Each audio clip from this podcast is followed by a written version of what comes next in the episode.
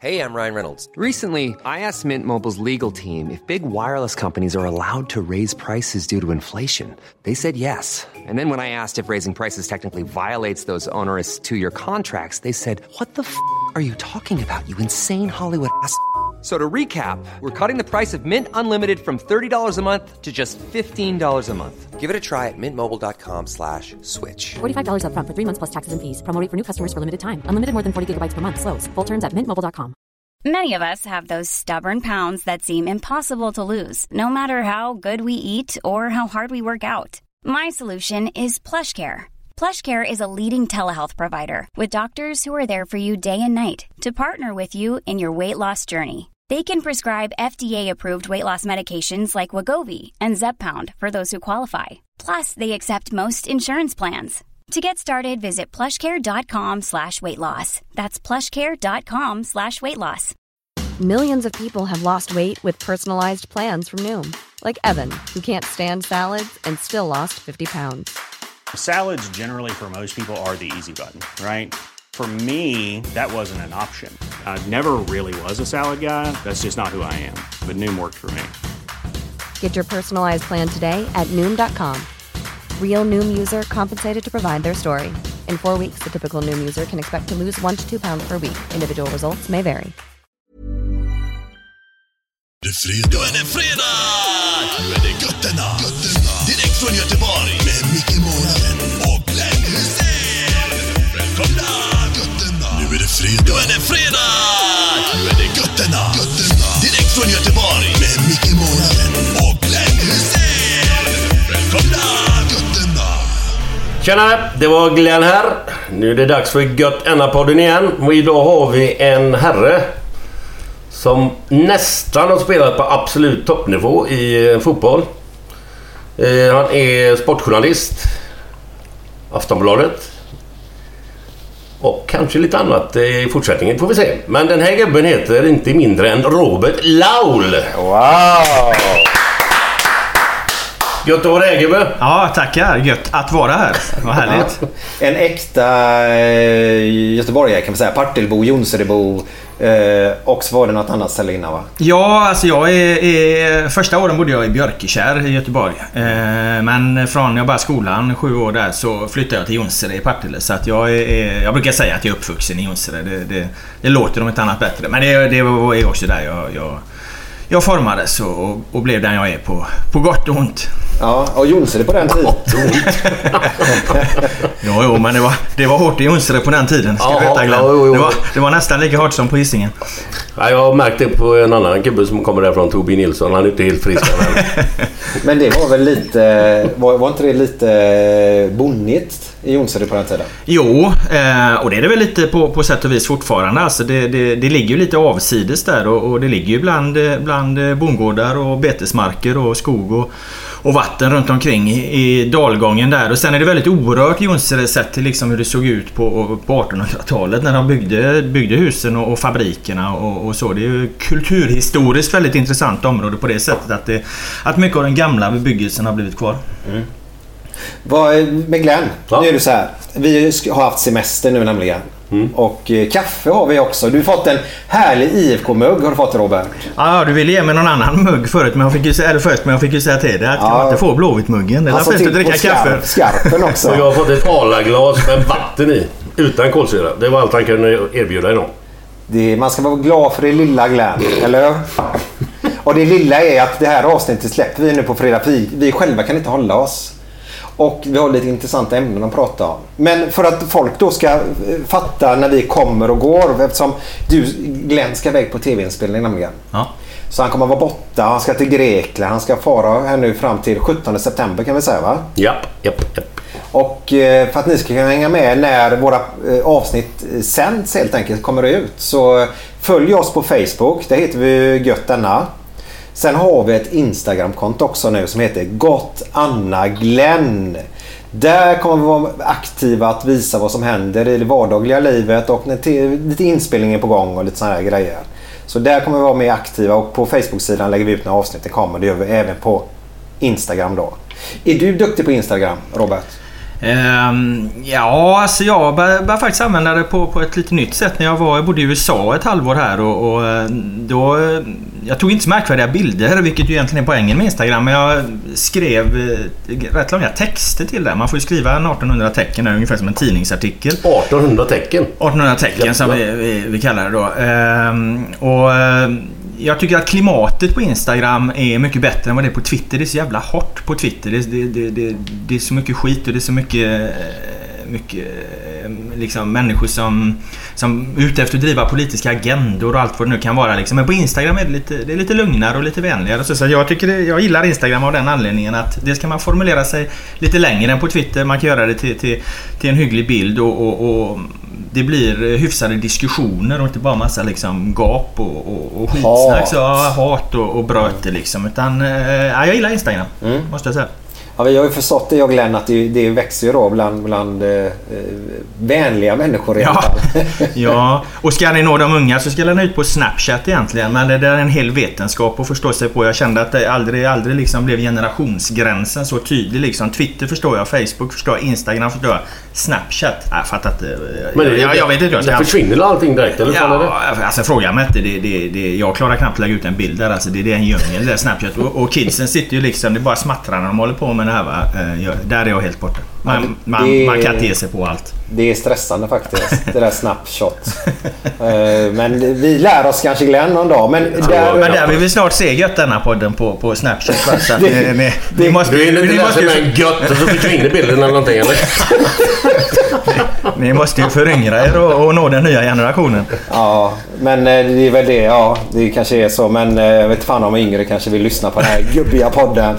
Men det vill de naturligtvis sen om de väl har lyssnat på ett avsnitt. Men Glenn! Ja. Fan, nivå... Nej, oh, man kan ju prenumerera på podden också. På iTunes och Acast och där man hittar poddar helt enkelt. Då får ni info när eh, avsnitten kommer för vi vet inte när de kommer just nu. Så är det.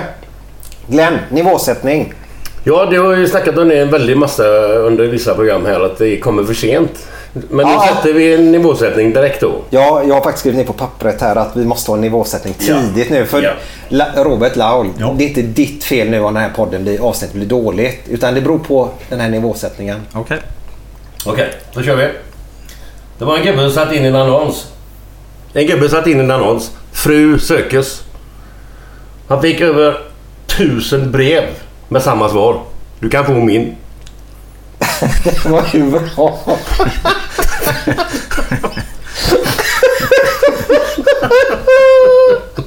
En, eh, han satt som en smäck. Ja, det var faktiskt bra. Ja. bra. Men du, eh, du snackar mycket om det här med nivåsättning sådär liksom. Men eh, under, under tiden vi har gjort 50, det är 50 avsnittet. Det är lite jubileum med, med, med dig nu alltså. Det är jävligt kul. Men du har ju snackat jämt här med nivåsättning. Vilken, vilken, har du någon favorit? Om jag har det på dessa 50 Ja, på dessa programmen. 50 program jag har gjort. Vilken tycker du är roligast eller bäst? Eller? Ah, det var ju svårt att ta så här på uppstuds då men... Eh, Apropå, vad kallar ni det? Eh, Nivåsättning. Ni får la döpa om det till, till låg nivåsättning. nej, vänta. Ja, men en till då som jag får tänka på nu då. Ja. Här. Eh, Men det var det en till. Ja, men jag kom på en till. Jag får höja nivån lite nu. Ja, nu gör vi det. Vilket folkslag i, eh, i eh, Australien kissar mest? Urinvånarna. Ja, den var, den var lite bättre. den var lite bättre, men inte mycket. Han har ingen info ju. Den kommer nog efterhand tror jag. Ja, jag hoppas det faktiskt. Men vi måste ju, vi har ju haft Håkan Hellström här nu i Göteborg. Och jag har ju sett då att både du Glenn och Robert, ni var i lördags på konserten. Ja, jajamän. Ja. Robert, vad tyckte du? Eh, Jag tyckte att det var en lite sömnig första halvlek, men eh, sen när, eh, när skymningen föll över Ullevi så eh, rullade ju den utlovade Oskar in. Jag tycker att han gjorde en eh, jäkligt bra andra halvlek. Och, och, och när det blir den här allsången med 65 000 människor, då spelar det egentligen ingen roll vad det är för musik. Va? Då är det ju häftigt att vara där ändå. Då åker man ju med på, på de här känslorna. Sen tycker jag det var, det var vackert att eh, han hade lyckats släppa upp Leila Kay på, på scenen där. Alltså, alla vet ju vilket, vilket helvete till liv hon har haft på, på senaste tiden. Och, och det är bara att hoppas att hon, att hon ja, fick ut något positivt av det här och, och kanske kan, kan vända sitt liv till, till ett mer harmoniskt liv igen. Så att eh, jag, jag gick därifrån med massa härliga känslor och, och, och var väldigt nöjd med den här spelningen. Glenn? Ja, jag, så- jag har aldrig sett honom förut live så att jag var bara extas från början till slut. Det var ju löjligt. Alltså, fy fan, stod upp. eh, Även om vi hade sittplatser. Men fy fan, det var helt sjukt bra tycker jag. Alltså. Helt sanslöst. Och man har hört så mycket innan. Och oftast eh, om man går på bio eller någonting eller något annat och man hör så mycket positivt om en grej. Så har man sådana stora krav så att man nästan blir besviken när man går dit. För det är så bra var det inte tycker man kanske då. Men fy fan. Helt jävla suveränt. Mm. Jag skulle säga att det var det har varit en bra sommar här i Göteborg. Det har hänt tre stora grejer eh, eh där eh, Håkan Hellströms konserter är en då. Alltså, du har eh, premiären på Bergkungen av Christopher Nolans Dunkirk. Fantastisk film om andra världskriget. Torbjörn Nilsson tillbaka i Blåvitt. Och så Håkan på, på, på Ullevi. De tre grejerna gör ju sommaren 2017 till en jävla bra sommar måste jag säga. Det är bara att hålla med. Den första kan jag ingenting om men filmen. ja, men, Torbjörn Nilsson känner man inte ja, lite eh, Ta dig då och gå på en bio här alltså för att du kommer inte ångra det. Alltså. Nej, nej, nej. nej. Men är det en dokumentär? Nej för fan. Nej. Det, det, det är det inte. Utan det är en, en krigsfilm. Ja. Eh, eh, rakt upp och ner helt enkelt. Men med ett eh, fint djup och eh, ja, jäkligt häftig. Vad var den filmen där som inte jag heller kan någonting om? Var, eh, var de själva...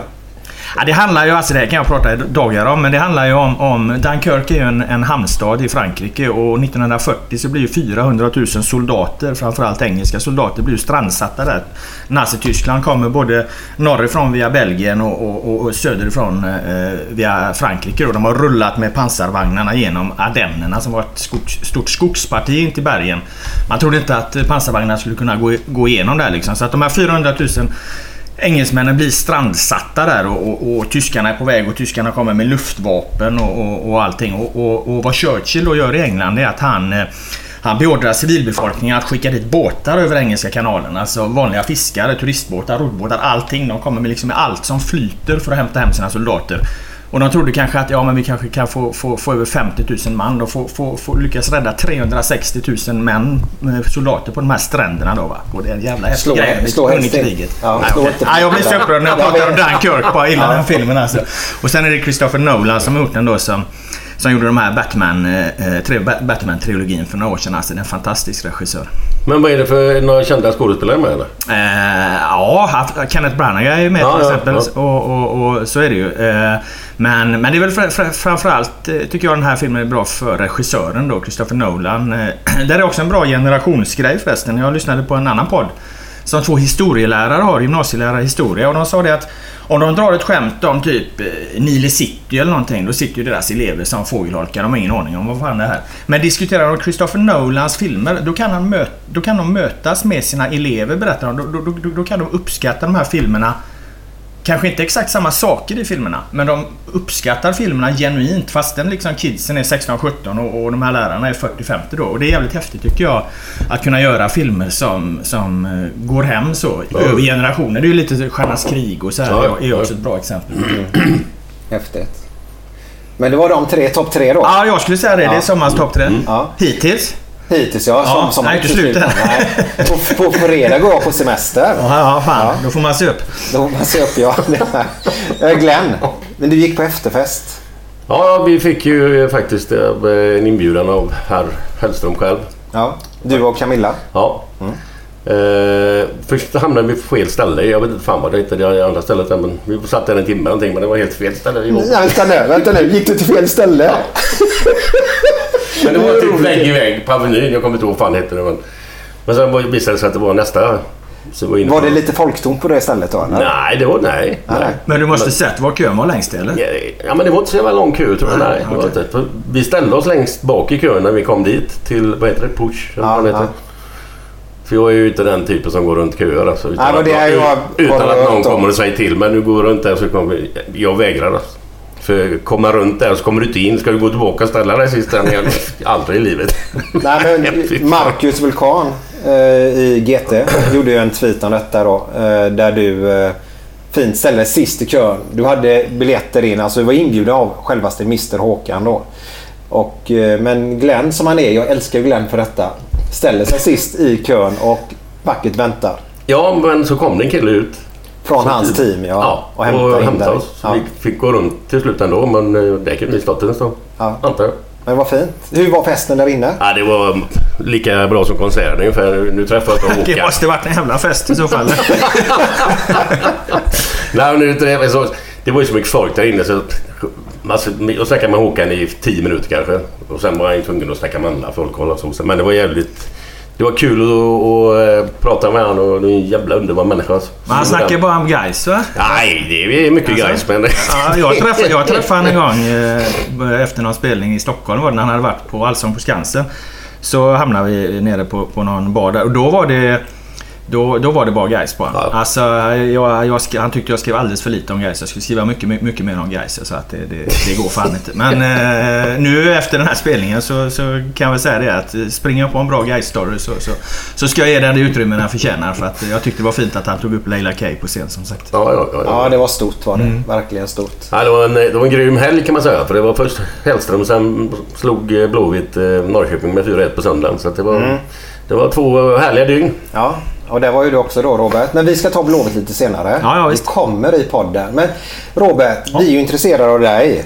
Ja, ja, ja. Eh, Uppvuxen i Jonsered vet vi då. Ja. Men när, när var du kom hit och hur såg det ut? Hur, du är ju också, du glömde säga det i prestationen, en faktiskt väldigt nära att bli elitspelare i fotboll. Ja, så är det. Sa du det? Ja, Ja, ja, fan. väldigt nära att spela Ja, han. Jag är- fotboll. Alltså, Ja, allsvensk okej. fotboll. Eller vad nu sa. Så att jag vet inte riktigt. Nej, det var mina tankar var då. Då ber jag om ursäkt faktiskt. Nej, men jag tyckte att det var en, en eh, fullödig presentation som Glenn gjorde där. Det var inget anmärk på. Men det är, det är väl helt riktigt. Jag är ju som sagt uppvuxen i Jonsered då och fotbollen är väldigt stark i Jonsered. Eh, Tobbe Nilsson, jag känner alla till. Poletten Larsson. Eh, Erik, om man backar liksom till, till 1900-talets början så har du Erik Börjesson. Du har Reino Börjesson, eh, silverhjälte från VM 58. Konrad, Konrad Törnqvist, tre gånger svensk mästare med IFK Göteborg. Alla de här kommer från Jonsered och har spelat i Jonsered. Så att det finns ju en otroligt stark fotbollskultur där. Så att, eh, när man var liten pojk där så, så var det inte så mycket att välja på utan man, man, man började ju spela fotboll helt enkelt. Och, och, ehm, jag sprang till och med på, på Torbjörn någon gång i, i, i samhället där och så. Jag menar att växa upp i en, i en, i en så levande fotbollskultur där du, där du liksom kan, kan träffa Tobbe Nilsson som en liten grabb. Det är klart att, att det sätter intresset för resten av livet på många sätt. Du, du snackade om Erik Börjesson. Mm. Är det bara en skröna eller det här med tåget stannade där eller?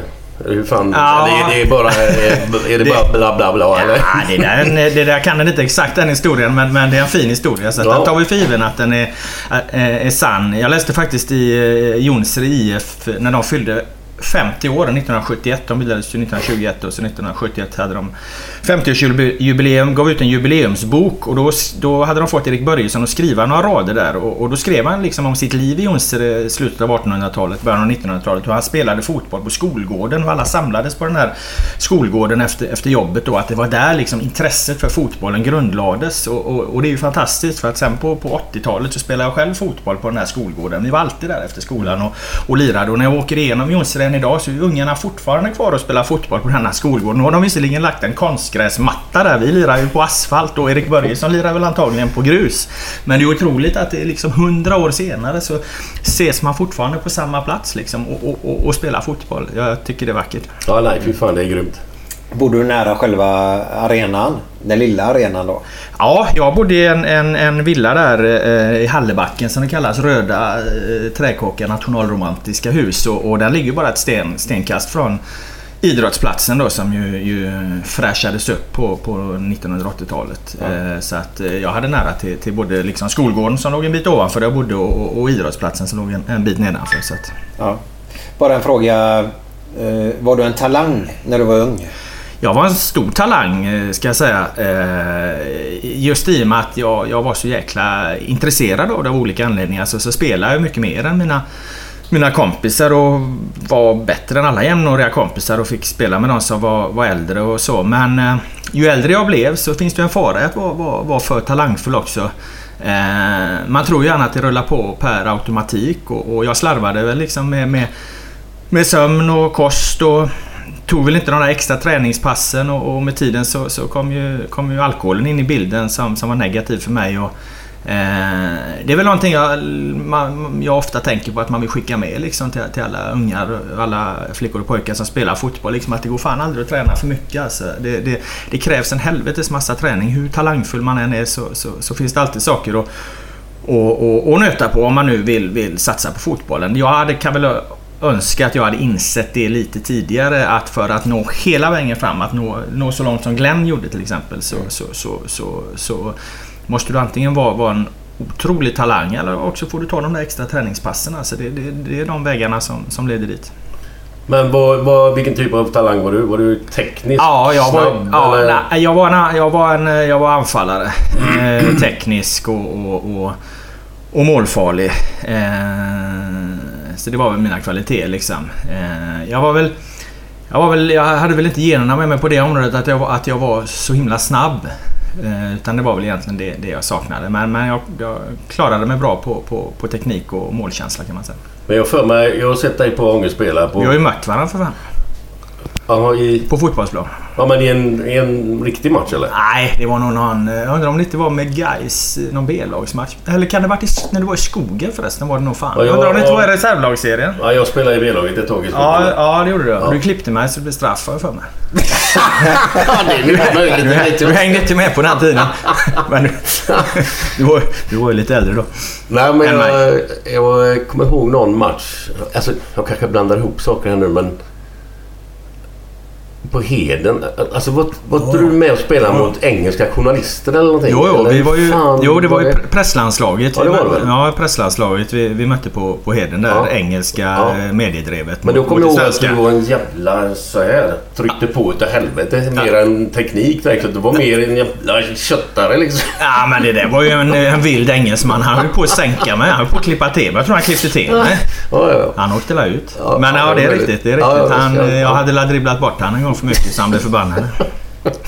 Vadå berätta? Ni mötte ett... Kan du berätta lite mer? Ja men det var ju innan England, Sverige-England var på... Det var någon... Ja, det var 2004 tror jag det var. Sverige skulle möta England i en Ja, vänskapslandskamp. ja, ja. Och, så, och vi brukar ibland göra upp eh, journalisterna då. Det kommer ju ett gäng journalister från, från alla länder inför, inför landskamper. Och, och, och, och vi har ju ett journalistlandslag eh, i Sverige då. Och vi brukar göra upp om och, och, och försöka få till en match där vi möts helt enkelt. Och den här gången var det Sverige och England som möttes. Så vi hade vi hade Glenn som mittback och det var en jävla tur för att eh, annars hade vi, vi nog förlorat den matchen. Men du var ju dominant även på den tiden. Alltså helvete. Jag kommer ut jag kommer ihåg att engelska målvakten gjorde, en, eh, gjorde utspark och du, du, du tog du nickade från eget straffområde tillbaka till målvakten igen. Jag har fan aldrig sett en sån nick tidigare.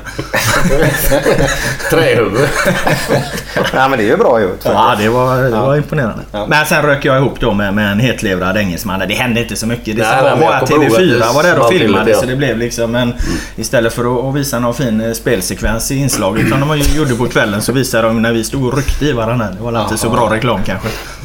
Ja, ja. Känslorna kan ju vara med. Ja, men man tycker ju att i en journalistlandskamp så kanske man inte behöver vara så jävla het. Va? Men Nej. du vet hur det är när man är där ute. Ja, var, var, du, var du även het? Nej, Eh, nej absolut inte. Eh, Det var jag inte. Jag var en lugn spelare. Eh, Så att det där var... Det där var en, en tillfällighet. Ja. Men det var inte aktuellt med några andra sporter alltså eller? Jag lirade... Alltså Sävehof är ju stora i Partille. Så att jag lirade en del handboll men... eh, Grejen var att eh, jag var målvakt i handbollen. Eh, Och jag hade glasögon när jag var liten också. Så att eh, jag fick bollen i ansiktet hela tiden. Glasögonen gick av på mitten. Så till slut sa morsan det att nu får du fan inte... Nu får du, jag köper inga nya glasögon åt dig om du gör sönder ett par till. Alltså jag gick till träningen och så skulle handbollstränaren demonstrera ett skott och så sa han till mig det för jag hade sagt till honom att jag får fan inga nya glasögon nu om de här går sönder. Så jag tränaren till mig det. Ställde ett par meter vid sidan av målet då så ska jag demonstrera skottet. Så drog han i och så drog han bollen rätt i stolpen och studsade ut mina glasögon som gick av på mitten. och, så, och så kom jag hem till morsan och så hade de gått av och hon sa att det blir inga nya. Så att det dröjde tio år innan jag hade råd att köpa mig ett par egna glasögon sen. Åh fan. Fan, det var tuffa tider. Ja, det var hårt. Det är marginaler, små marginaler hit och dit. Det har vi sagt tidigare i olika poddar. Att eh, den lilla grejen som gör det eller det eller det att man fortsätter eller gör det eller så. så att det Ja, vilka, vilka steg man tar i livet Ja, och det. ja. Faktiskt. Ping, Men, Pingis, bordtennis spelar också. Ja. Var bra för att... Alltså genom att förstå hur du slår till en boll med ett rack så fick du också någon slags känsla för tillslag med foten måste jag säga. Alltså det, det, det, hjärnan förstod på något sätt liksom vikten av att, att, att vinkla och träffa på rätt sätt och så. Så att jag tror ju stenhårt på det här med att man ska hålla på med olika sporter. Ja, för det har jag att- sagt i alla år, så Ja, det köper jag rätt av. Ja, för att man, man lär sig så jävla mycket. Handbollsmålvakt var ju klockren. Jag blev jävligt orädd liksom. Jag menar, har du, har du, har du varit handbollsmålvakt, va, då kan ju kasta du dig in i duellerna på en Mm. fotbollsplan. va, För inget blir ju värre. Ja, det är möjligen om du skulle vara bandymålvakt då kanske lite, lite värre än handbollsmålvakt. Men du blir ju inte rädd för bollen. Och det har du nytta av på fotbollsplanen också. Men så är det. Och tar vi då pingis kontra fotboll. Om du ska skjuta en frispark då och du vill få den att dyka. Ja, ja. Så måste du ha ett pingislag på, på fotbollen på ett sätt med, med Ja. din sko om man så ja, säger. Då. exakt så. Och, och, och pingisen skapade, lärde hjärnan det alltså. Mm. Så att, och även liksom i mottagningar och så. Och hur, hur du liksom ska vinkla kropp och, och, Mm. och fot för att få, få ner boll och så. Så att, eh, nej. Var det Jonsson det också eller? Pingisen? Ja, Partille Pingis hette den. Partille någonting. Jag lirade, det är roligt, jag lirade fyra matcher i pingis. Eh, vann alla de fyra. Men sen slutade jag med pingisen för, för ja, det, jag hann inte med liksom att tävla i det också. Men vann de här fyra matcherna. Sen kom pingisen ut med en jubileumsbok många, många år senare. Då var nämnd där som den nämnde i föreningens historia som var helt obesegrad. Jag spelade fyra matcher och vann de fyra. Det är ju jävligt stort. Ja, Det är värt en liten applåd. Det är verkligen. Jag tror att det rekordet står sig än idag. Ja, det är ingen som har testat. Det var bara att spela fyra matcher. Och fyra matcher, det spelar du egentligen i en match. Alltså man, man, man, möts, ju, möts ju som i lag Ja, liksom. exakt. så det här var ju fyra matcher i samma match kan man säga mot ja, tabelljumbon liksom. Så att, eh, Ja, ja, häftigt. men, Ja, ja. men eh, i historieböckerna står det kvar. Det är Men det du- viktigaste. Har du bröder och systrar och sånt där eller? Ja, två, eh, två eh, yngre systrar. Vilket år är du född? Eh, 76. 76 ja. Och- Håller de också på med sport och så? Nej, syr, nej, mina systrar. Den ena sy- systern hon håller på med, hon kör så här... Fan heter det nu? Eh, ja, med draghundar alltså. Hon står på en släde bakom hundar. Hon bor uppe i Norrland, uppe där min mamma kommer ifrån. Uppe i, i Blattnix eller uppe i Sorsele i de norra, väst, norra Västerbotten. Ja, där Stig Fredriksson är ifrån. Ja, det har jag det på. ja. Så där uppe bor, bor syrran, för min mamma kommer därifrån. Så hon tävlar med, med, med så här draghundar och grejer. Och min yngsta lilla syster hon bor uppe i Stockholm och är fotograf. Så att de håller på med lite allt möjligt. Lite mer konstnärligt då. Ja, i alla fall med, med yngsta sys- systern där. Dessutom har hon ockuperat min lägenhet just nu. Så att jag har sen jag kom hem från Washington ingenstans att bo. Det var en som frågade mig det. Var fan bor du någonstans? Jag fick tänka, var fan bor jag någonstans? Jag har fan ingenstans att bo just nu. Nej. Men du, nu är du i Göteborg nu då. Ja, nu är jag i Göteborg. Var, var bor du när du Nu bor jag hemma hos min mamma. Hon bor i Bellevue. Bellevue? Ja. Men dina det- föräldrar, var de, är det sportfamilj eller? Nej, nej. De, de, eh, de har ingen, ingen eh, fotbollstalang. Ingen i min släkt har egentligen någon, någon idrottslig talang så på det sättet. Eller någon fotbollsbakgrund. Så farsan är fotbollsintresserad och så här. Och en stor Blåvitt-supporter. Men, eh, men eh, han gör inte tre på foten. Det är inte jag eller? Nej, det är sant. men han nickar inte över hela planen heller så att tyvärr.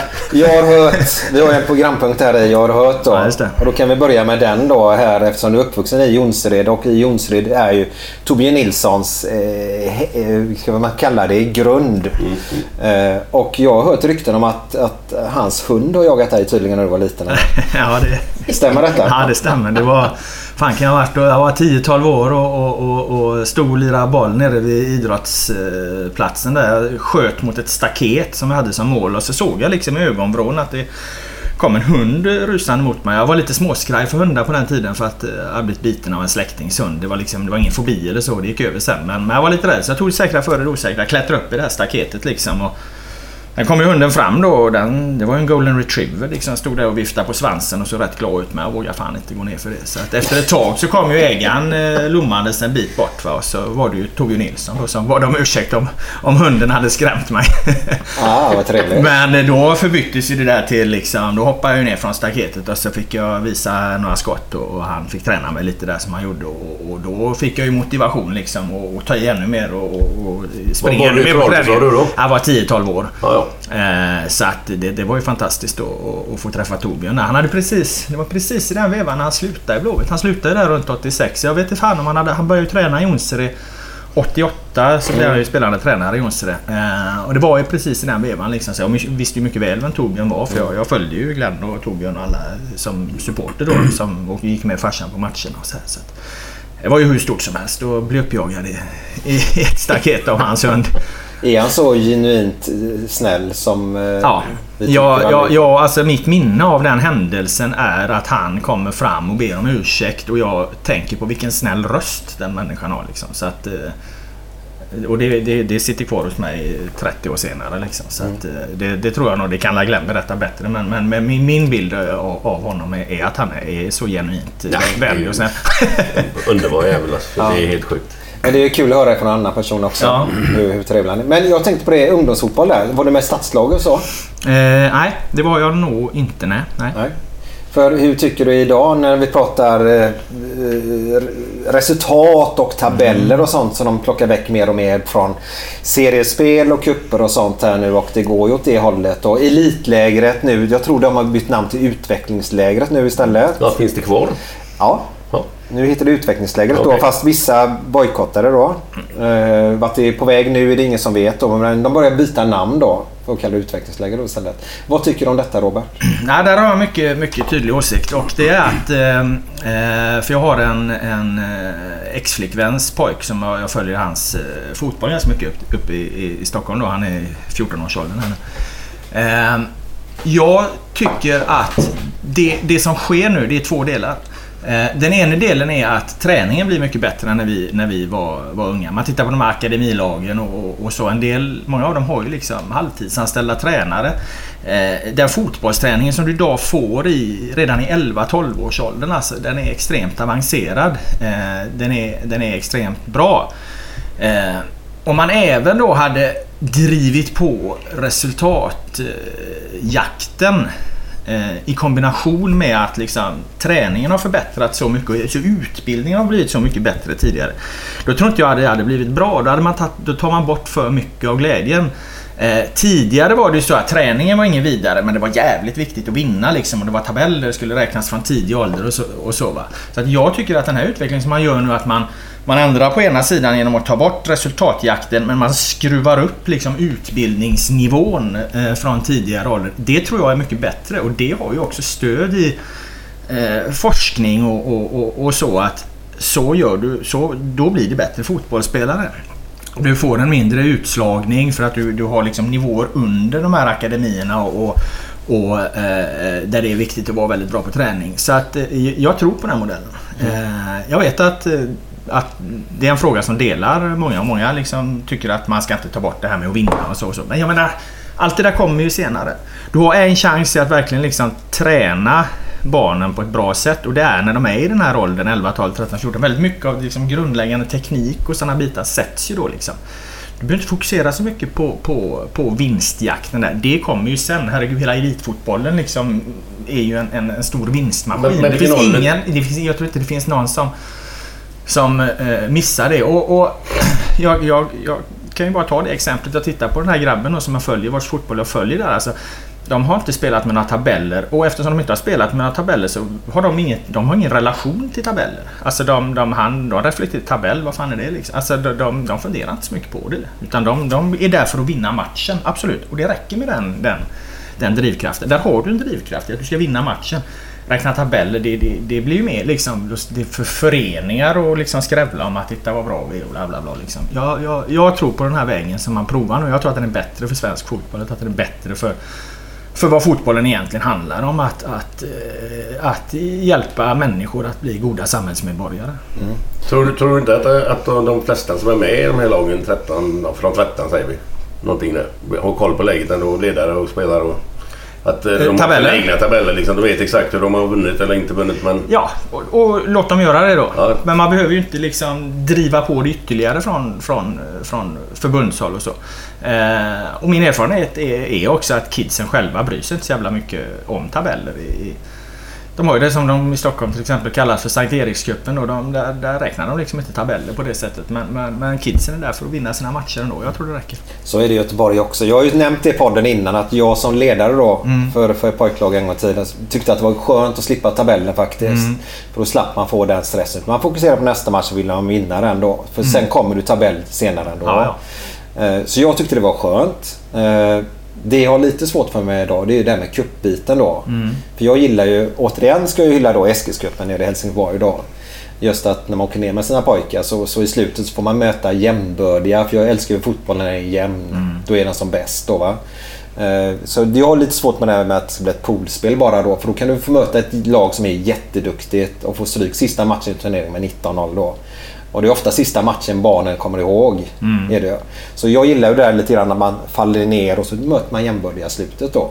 Det är någonting som jag tycker är väldigt trevligt i alla fall då. Ja, nej men då, då kanske den biten inte är så bra då av det här nya. Då, det, det, jag menar, då kanske man får, får, får skruva på det ytterligare ett varv då. Men eh, det första man har gjort här liksom är att eh, med, med, med, fokus på utbildningen och, och mindre på tabeller och grejer. Det tror jag på. Sen visst, kupperna, det, det är möjligt att det, att det inte har blivit perfekt Men det är då. typ i ett sånt där elitpojkläge då. Vad, vad, vad är det för fel på det? Det kan inte jag förstå liksom. Att, Ja, jag vet Skåne ja, då. men jag menar, I Sandarp har ju funnits ett läge sedan... ja, Fan hur länge sedan jag var ju där. Alltså, jag vet inte hur länge det har funnits. Ja, Men, jätte, men eh, när man blir uttagen i ett stadslag typ, och så får man åka dit ner och spela. Det gäller ju ingenting de matcherna. Det är ju bara vänskapsmatcher mot andra landskap. Liksom. Så att, men vad fan. Det ska ju har- dras in. Det ska de inte ha längre. Nej, det... Men det har de väl kvar? Jag vet Ja, att de har han, grabben Ja, ja. nu skulle iväg på, på Jaha, något men då har de, var det det du sa? De har döpt om? De eller har sa du? utvecklingsläger eller vad de är. Förut hette det ju elitlägret då. Ja, just det. Nere i Halmstad. Just pratar det. Eh, Jag vet att Skåne hade ju sin argument. Det var ju att de skick, när de skickade dit ett, eh, sitt stadslag då så var ju då 99% från Malmö FF. Och de tyckte varför ska vi betala för att Malmö FF åker dit och spelar? För eftersom de betalar ju själva det, själva eh, vad heter det, förbundet där Ja, nere då, skånska förbundet då. Men eh, det går ju mer åt det hållet som du pratade om. Att ta väck den här elitsatsningen kommer senare då. Ja. Men, men, men den finns ju ändå för att jag menar alltså, fokuset är ju på, på att eh, utveckling och på träning att det ska vara bra. Eh, och, och jag, jag ser inte det negativa med det. Jag tror att du, man lär sig mer av, av att ha en, en, en bra träning än än eh, att, att det ska vinnas till varje pris i matchen i de åren. Alltså sen eh, när, när man blir äldre och så, så, så blir det helt andra bitar. Men jag menar när du, är- när du, när du ja hela resten av livet handlar ju om, om, om vinstjakt. Men, men under de här åren så, så, så sätts ju grunden till eh, teknik och, och hur du agerar på planen och, och att man att man då har fokus på utbildning. Jag, jag har liksom inga problem med det. Men det finns ingen risk att de, när det väl blir resultatfixerat när de är 16, 17, 18, är att, att åh jävlar vad händer nu? Nej, jag tror inte det. Nej, nej, jag bara undrar, alltså, jag, jag, jag tror inte det just eftersom... Eh, som du sa där eh, Micke, att, att viljan att vinna matcher finns ju fortfarande kvar. Alltså. Och jag menar, det vet ju du och, och alla som har spelat på elitnivå. Alltså, man ska ju inte titta för mycket på tabellen heller utan det handlar ju hela tiden om att titta på nästa match för det är den du kan påverka. Ultimata förberedelser inför nästa match och så. Så jag tror man med, med mer att, att kidsen får en, ett sundare förhållningssätt till, till hur elitverksamheten fungerar sen. Att det är nästa match du måste fundera på. Du kan inte börja- Nu ska Blåvitt möta Kalmar. Jag kan inte bara fundera på AIK-matchen som är torsdagen efter. Utan det är Kalmar-matchen som gäller. Så, är ju hela, så fungerar ju hela elitfotbollen. Liksom. Och det är väl bra med ungdomsfotbollen då. För det kan ju kanske vara svårt problem att hålla isär det där som liten. Att, att du tittar med på tabellerna nästa match. Liksom. Ja, men då gör man det ännu tydligare. Det, det, handlar bara om, det handlar om utveckling och det handlar om nästa match. Du sa ord, ordet här utveckling då. Ja. Och då tycker jag det är viktigt i en förening att alla barn får en utveckling. Alltså en, en eh, eh, vad ska man säga, en motivation att, att utvecklas. Så du som väldigt duktig fick ju spela med de som var överåriga då. Mm. För att du skulle få din eh, utveckling. Så tycker jag är bra att man har. Ja, men jag vet att Blåvitt då, Mm. eh, om vi nu, eftersom vi är Blåvitt-supportrar allihopa då. Eh, hade en supertalang och säger då som kände att han fick stå tillbaka för han fick inte gå upp och spela med någon som var överåriga då. Mm. Han skulle spela i sin åldersgrupp. Och då gjorde han ju så, då valde han ju att sluta där. Mm. Och snart spelar han i Allsvenskan, en annan förening då. Mm. Eh, för de kände att han fick ingen möjlighet. Han var tvungen att stå tillbaka för de andra då.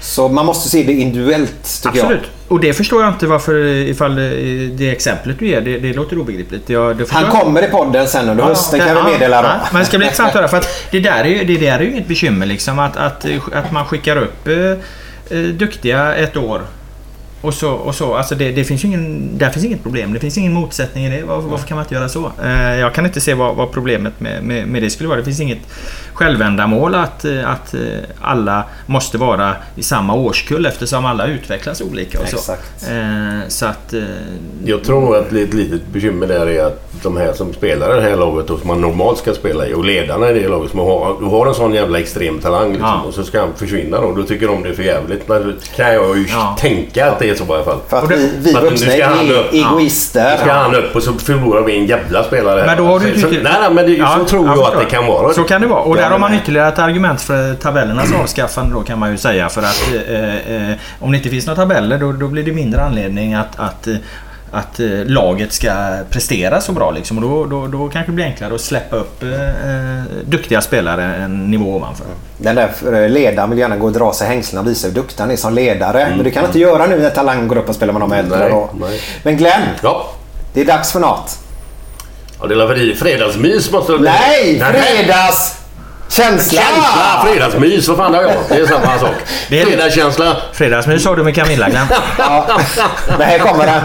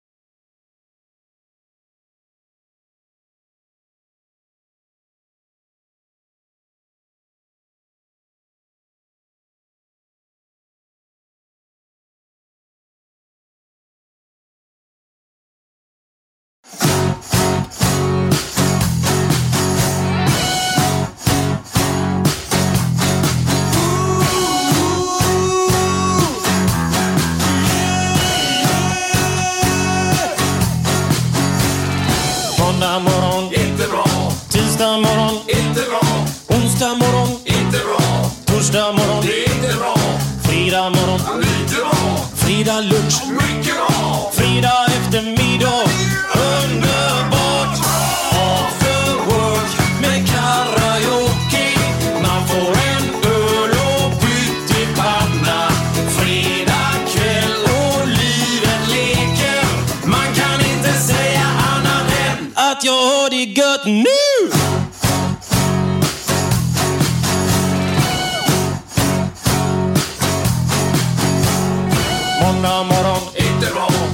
Tisdag morgon, inte bra.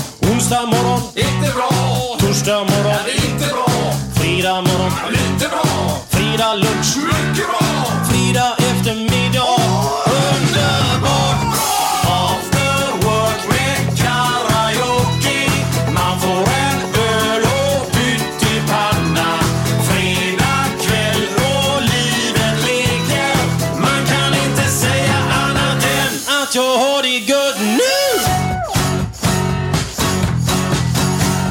Ja, det var den här gamla vanliga härliga dängan med Björn Rosenström.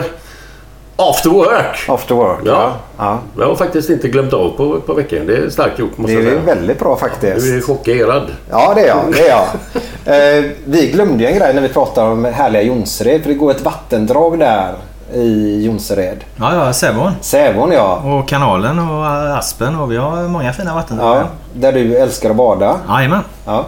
Är det inte lite... Jag är ju sådär, Sävån är ju lite strömt om man säger. Det är väldigt fint laxvatten faktiskt. Ett bland, jag ska inte säga Sveriges bästa, men de har en laxstam där i alla fall. Med, med, du kan dra 10 kilos laxar. Jajamän. Eh, och så, men jag tycker det är lite strömt där för att bada där i. Men eh, är det inte det? Ja, och strömt är det ju, men det är, det är gött. Vi brukar flytta med det. Vi brukar- åka på, på luftmadrasser. Man startar uppe vid vattenverket. eh, Uppe vid fabrikerna och så åker man till Kågersforsen på, på luftmadrass eller i, i, i gummibåt. Det, är- det är gött som fan. Borde du testa. Ta med, ta med dig Glenn. Du, jag måste säga en sak här. Du kanske inte tror mig nu alltså, men...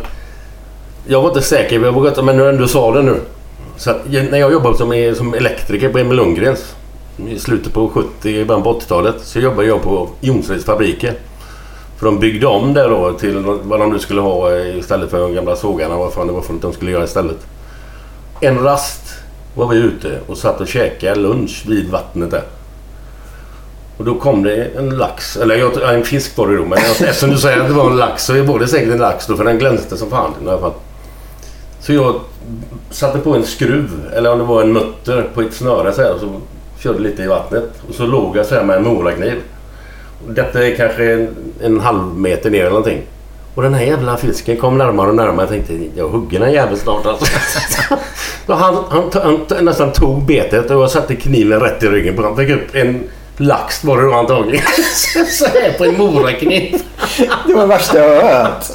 Det är helt jävla otroligt alltså. Det är fan en bra historia Glenn. Ja, det måste jag ge dig. Du, du, du, tar en, Det är inget påhitt. du tar en stor jävla lax i ån med en morakniv. Alltså. Stor vet jag inte om den var men det var fan så pass. fall. Det finns många rövarhistorier om, om Sävån, det ska jag säga. Men det här var fan en av de bättre. Och det roligaste är att han visar hur stor den var för lyssnarna också. Ja. Han, han, han visar Halvmeter typ en halv sånt där. Ja. Ja. Så är det. Så är det. Men var roligt, den jäveln också. Ja. ja, men när du sa det tänkte jag fan jag måste berätta det. Den Emil Lundgren, han var där kanske i två, tre dagar. Men helvete vad grejer det har hänt där. Emil Lundgren sa det. Var en fin gammal firma. Ja. Var elektriker i sex år. Ja. Ja, sju kanske till och med. Det är spännande att höra dina historier från Emil Lundgren. Ja, Då har vi fått göra den här podden ganska ofta faktiskt. ja nej, men det, det hände mycket där. Ja, men jag har hört rykten nämligen. Robert, du måste förklara om det här är sant eller inte för jag fattar ingenting. Eh, ryktet går om att du har hoppat från någon klippavsats eller någonting ner i den här eh, Säveån. Och det är typ en höjd på 20 meter drygt. Mm. Stämmer det här? Jajamän, det, det, det, det stämmer. Det är lika sant som Glens historia om när han eh, högg laxen med, med morakniv. Eh, det var inte i Säveån dock, utan i kanalen. Alltså, eh, sjön som ligger i Jonsered heter ju Aspen. Eh, stränder i, i, i både Lerum och Jonsered. Då. Från Aspen i, i Jonsered så, så går det en eh, å, Säveån, och en kanal. Och den här kanalen leder då till ett eh, vattenverk, kraftverk. Och kanalen den går liksom genom berg och, och över gamla så här träbroar där godstågen gick förut. Och, och eh, vid ett ställe så finns det, finns det liksom en, en hög klippavsats. Vi kallar den för enen och den, den högsta punkten då som går att hoppa från där mätte vi upp till eh, 23 meter. Eh, och där har jag och några andra hoppat därifrån. Och det är inte många som har gjort det. Det är inte många som är lika, lika dumma i huvudet som de har, har, har gjort det. Va? Men jag har hoppat där uppifrån ett par, par gånger. Och, när du står där uppe 23 meter, va, kanalen nedanför, det den ser ut som en liten bäck. Eh, och den är inte så djup heller. Den är ja, knappt 4 meter. Så att vi hade skor på oss när vi hoppade uppifrån. För att man dänger ju ner i, i, i botten när man hoppar så högt. Och botten är ju betong. Så att vi fick ha dojor på oss. Eh, det är ju inget jag skulle göra idag men eh, när vi var små så, så gjorde vi, det. Och hur fan gör man en sån sak då? Ja alltså du, du börjar hoppa från 5 meter, testar du från 7, 10, 12, 14. så- Alltså jobba sig, jobba sig långsamt uppåt. Mm. Så att ja men det, det, det är helt sant. Hur högt, hur högt är det? De här Olympia, jag vet inte om det finns med i OS men de hoppar ju från... sitt- Eller ja, de har byggt ut någon jävla trägrej så de... I, Alltså, de här hög- OS, de är höga hoppen alltså. Ja men När de landar på fötterna. Ja det vet jag fan men det är inte OS va? Nej, det kan I OS något- hoppar de nog inte ö- över 10 Över meter 10, va? nej. Nej, okej, okej. Nej, inte ens en centimeter över 10. Nej. Så där snurrar de lite och så landar de fötterna och så är det dykare och grejer där. Jag tänkte bara om du visste hur högt det Nej jag vet inte hur högt det är men, Nej. men 23 meter var jävligt högt Ja, i det alla måste fall. vara Det jag. förbannat högt. Ja men det är ju de typ höjderna. Honolulu där ute. Ja. Gjorde inte han Elvis någon film där de hoppade och sånt där från klippavsatser och det? Ja, det var fan före min tid. Gillar du inte Elvis-filmer? Ja, nej, det kan jag väl inte påstå. de, har inte åldrats särskilt väl tyvärr. Jo, Alltså, men man har inte ja, sett någon på 20 år Nej, det, är sant. Det är sant. De gick så här. Hette det inte regnfilm förr i tiden? Problemet var när man var hemma då från sommarlov då som det är nu. Ja, ja, ja. Det var att när det regnade i Stockholm så visade de regnfilmer på eftermiddagen. Men då kanske det var sol i resten av Sverige. Men det, allting har ju alltid utgått ifrån själva Stockholm då. Men så är det. Ja, nej fan. Dunkirk är min film. eh, Inte Elvis tyvärr. Nej, Alla har vi olika intressen. Så är det. Så är det. Så är det. Men vilket fall som helst, du hoppar 23 meter. 23 meter, ja. Det hade du aldrig någonsin gjort det överhuvudtaget. Det är högt från 10 alltså. Ja, nej, Men jag hade inte gjort det det- idag heller, men... eh, Kan man följa den kanalen från typ Jonsered fabriker där så går det gärna. Den Ja, den delar går, ju sig där. ja, ja, den går ut i Säveån efter vattenverket vid fabrikerna. Den går från Aspen och så, så går den genom fabrikerna. Och, Och där så, någonstans Och finns där det- emellan ja, har du Då enen. ska jag ner och klippa, eller klippa, jag ska ner och titta på det. Ja, det tycker jag. Ja, det, klippan. e- enens eh, finns kvar, alltså själva trädet. Enen, alltså, Vilken ålder var detta? eller? Ja, vi var la 16, 17, 18 någonstans där. Liksom. den- Man höll på med sådana grejer. Det är ju vid den tiden hjärnan inte är utvecklad helt Nej, enkelt. precis. Man ser inga faror, man är odödlig och då, det är därför oftast killar då på olika eh, sociala medier gör jättekonstiga grejer. Men kom du ner snett då? Så Nej, nej, lite, nej, eller? jag klarar mig. Jag var ganska duktig på det så. Men det handlar också mycket om att jag hade en eh, jävligt skev självkänsla på den tiden. Du vet, man gör, du vet, om man inte är trygg och balanserad i sig själv så, så gör du grejer för att liksom, få en identitet. Och jag ville ha liksom, jag fick en identitet som en galen och våghalsig då. Och, och, och det, det finns ingenting egentligen att rekommendera i det där. För att det där följde med mig eh, längre fram i livet och då fick jag andra problem istället av det. Liksom. Så att visst, det är en rolig historia och man kan skratta åt den idag och, och, och, och så. Men, men det finns liksom ett slags... Det finns ett allvar i den också. Att Mm. Håller du på att göra för mycket sådana där grejer då, då, då, då kanske du inte är helt trygg i dig själv och, och det var inte jag. Nej. Jag känner igen det lite grann. Mm. Eh, inte att jag hoppar till höga höjder just då, men man hittar en identitet Mm. i, i en grupp då. Och, Mm. eh, eh, det kanske inte alltid blir så bra när man blir äldre Nej. eller då. Man får Nej. med sig det på vägen då. Och det kan ju kanske vara bättre att hoppa och greja än att gå in i kriminalitet och så. Men, men ja, det är lite samma drivkrafter eller missbruk eller vad det nu kan vara. Liksom. Vi kan prata lite missbruk. Vi hade ju låten här då, Fredagskänsla. Eh, jag gillar ju hinka öl då. Lättdrucken öl. Eh, Glenn gillar att hinka öl. Ja, för fan. Ja. Eh, du gillade att hinka öl. Bland annat. Men kan vi berätta, det här är ju inget hemligt om man så säger, men du sa redan när vi pratade om ungdomsfotbollen där att du skulle varit glad om du visste hur mycket du var tvungen att träna. Men så kom spriten in, eller alkoholen då, in. Vad var det för ålder då? Eh, jag drack första gången när jag var, när jag var 16 då och, och, och det har jag pratat om tidigare. Att det, det var ju som att, att, att hitta hem liksom. Det var, det var himmelriket för mig. Alltså det, det, jag fastnade direkt för alkohol. Alltså det var helt eh, klockrent. Det var min drog alltså. Jag, det var som att spruta ja, självkänsla rakt in i hjärnan på något sätt. Eh, och den känslan följer ju med. Så att jag... Du sa att jag gillade eller älskade att dricka. Alltså hade jag kunnat dricka kontrollerat så hade jag ju fortsatt. För att Mm. jag tyckte det var det bästa jag kunde göra. Mm. Eh, jag var tvungen efter många år att inse att... Ja, jag var tvungen att inse mina begränsningar. Jag kan inte kontrollera det. Saker går åt helvete. Jag gör för mycket dumma grejer. Jag ställer till skada för, för andra och för mig själv när jag, när jag dricker. Och, och eh, mitt liv tog väldigt mycket stryk. Mitt, mitt yrkesliv. Jag, jag betedde mig illa mot människor. Så att eh, det var ju bara att acceptera det. Men hade jag kunnat dricka normalt så är det klart att jag hade gjort det. För jag tycker inte... Man pratar om sådana här saker ska man inte hymla heller. Det, det, det, är- det är en social drog och, det är jävligt roligt många gånger. Men i början var det bilar då alltså? Eh, ja, Eskalerade det sen då? eller var det Ja, alltså...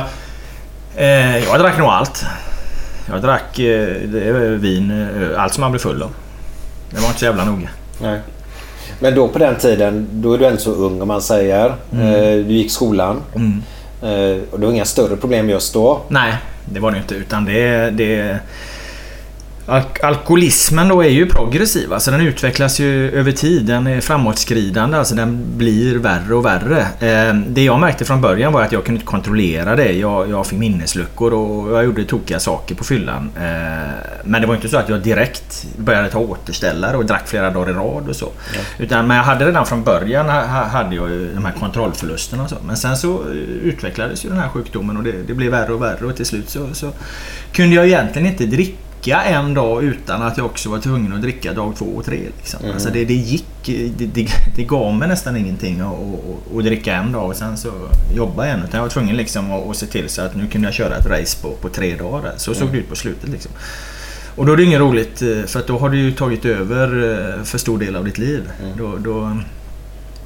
Men jag hade väldigt svårt att bryta det. Men vad... Förlåt. Nej, kör. Men vad, vad var det som fick dig att liksom... Nu jävlar, det är slut på den skit. Det var egentligen en, en eh, kedja av händelser kan man säga. Eh, Men, men, men min Afton, äh, Aftonbladet, alltså min arbetsgivare, klev in och, och, och, och sa att eh, vi är oroliga för, för hur, ja, hur du dricker helt enkelt. Vi vill att du går till ett företag som heter Ljung och Sjöberg där du eh, gör ett test. eh, Går igenom massa tester och, och, så, och, och ser ifall du har ett alkoholproblem. Och vid, vid den tidpunkten så var jag liksom så nere på något sätt så att jag jag sträckte upp armarna. Jag, jag går dit imorgon liksom. Det, det är inga problem. Jag, jag, jag vill ha hjälp. Så att jag gick dit och, och, och det här företaget då som jobbar liksom med, med, med beroende och missbruk inom, inom yrkeslivet, inom näringslivet. De sa det att ja, då, du, du, du har ett alkoholproblem som är inte är så allvarligt att du behöver vara inlagd på behandlingshem men det är så allvarligt att du behöver gå en av våra intensivbehandlingar då på ett och ett halvt år. Så att ja, fine, skriv in mig. Och så gick jag den så jag har gått den nu. Den blev klar i vintras.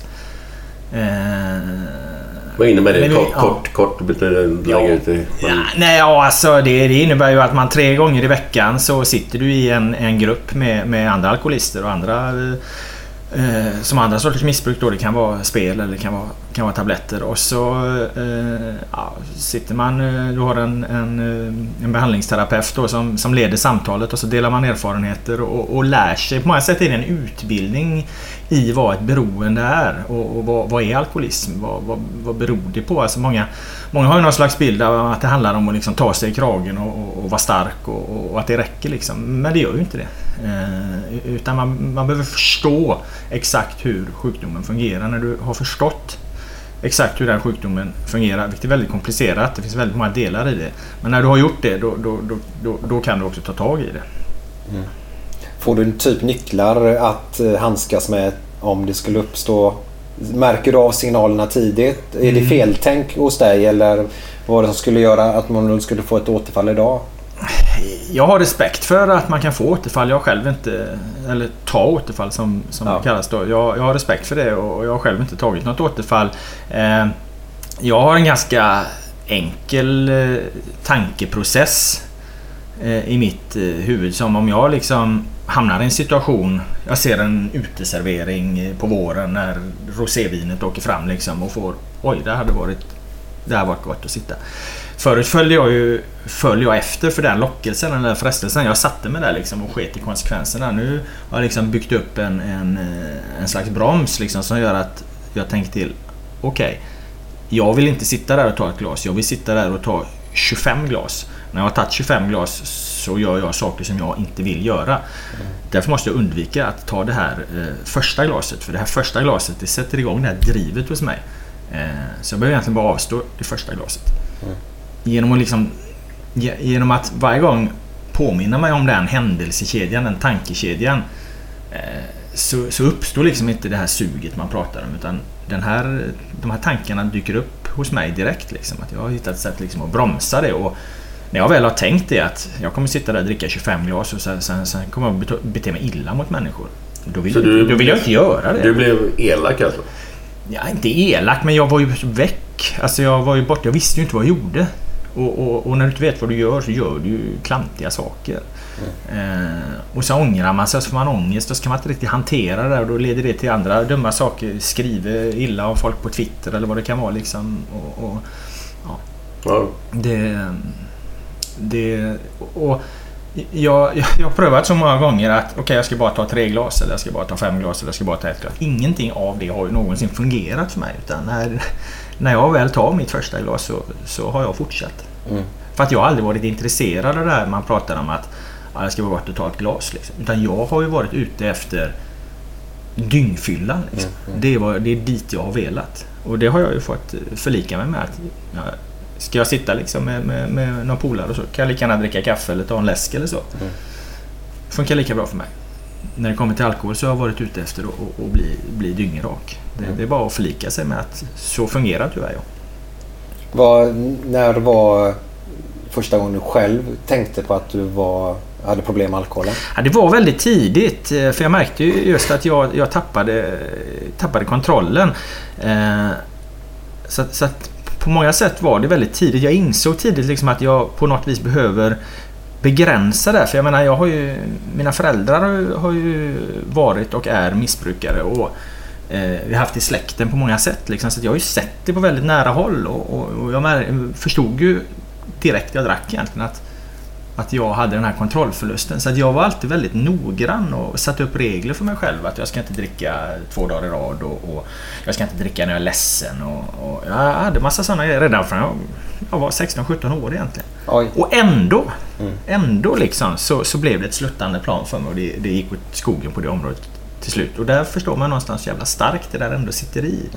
Hur, hur, hur, hur, hur beroendet och, och, och beteendet liksom det har vandrat, eh, vandrat genom generationer i, i- i en släkt. Och, och eh, ja, det, det är viktigt att inse sådana saker att det, det är så det fungerar. Du bodde ju i Stockholm då. Mm. Eh, hur mycket visste din familj om här nere hur illa det var? Eh, jo men de, för att när jag sa det till dem så båda mina systrar till exempel sa ju, sa ju att ja, eh, för då hade de pratat med min mamma om det liksom och varit lite oroliga för, för, för hur fan jag levde egentligen. Ingen hade eh, konfronterat mig direkt med det. Och det visar ju någonstans också hur svårt, svårt det är. Fa- Fastän vi har haft eh, missbruk i familj och i släkt i, i herrans massa år liksom, så, så när jag får problemen så, så, så är det ändå svårt för familjen att konfrontera mig och prata, prata med mig om det. Så att det visar också någonstans hur, hur jävla komplicerat det här är, är, är att förhålla sig till. Men så du spårade aldrig ut liksom två, tre dagar då? Utan det var en bläcka och så... Nej, ja, nej det, ja, från början var det så en bläcka. Men sen så förändrades det, utvecklades det i och med att det blev värre och värre. Så till slut var det ju tre dagar i rad. Och lika urspårat varje gång i princip. Liksom, minnesluckor och fan ingen aning om vad som hade hänt.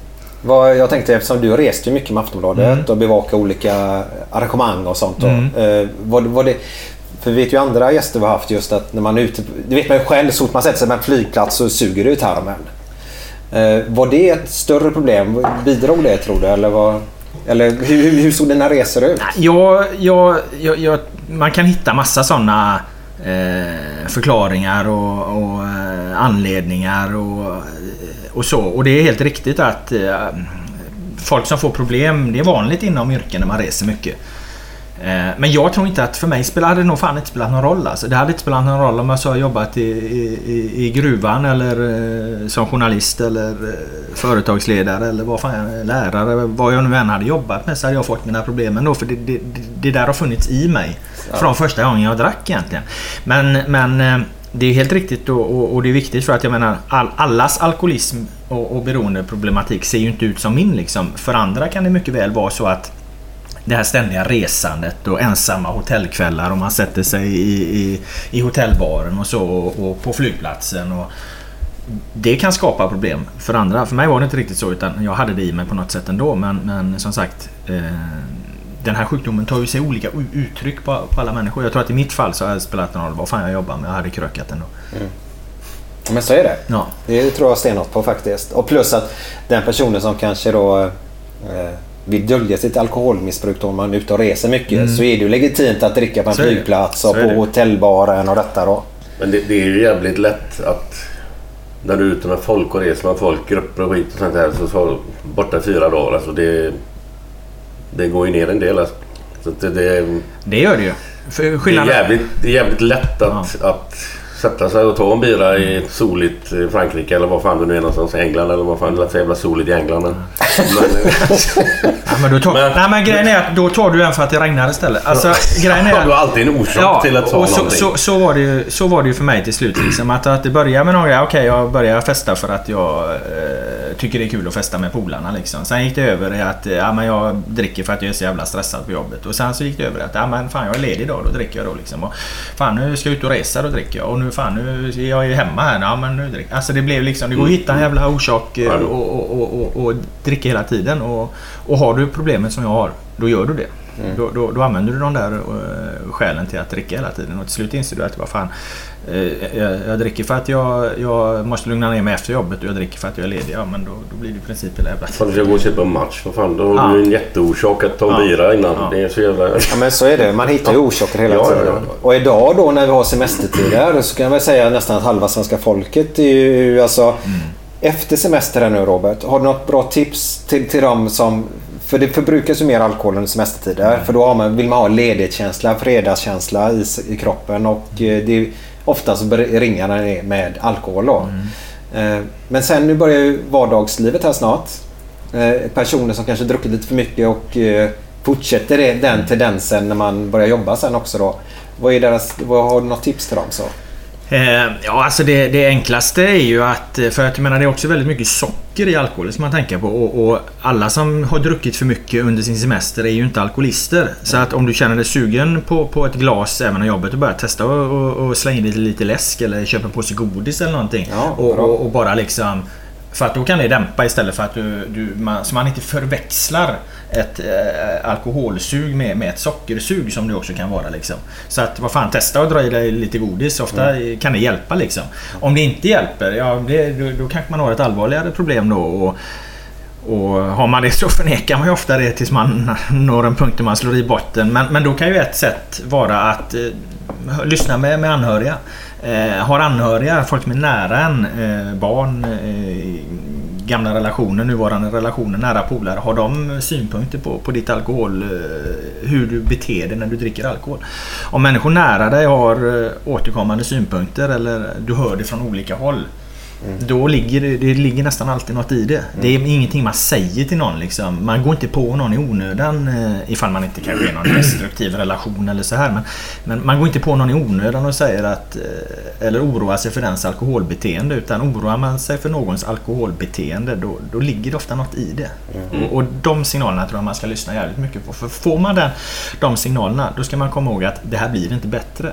Det, här, det går liksom inte i längden att kontrollera det. Man kan man kan liksom dricka hela sitt liv men då kanske man dör 15-20 år tidigare istället. Ja, exakt.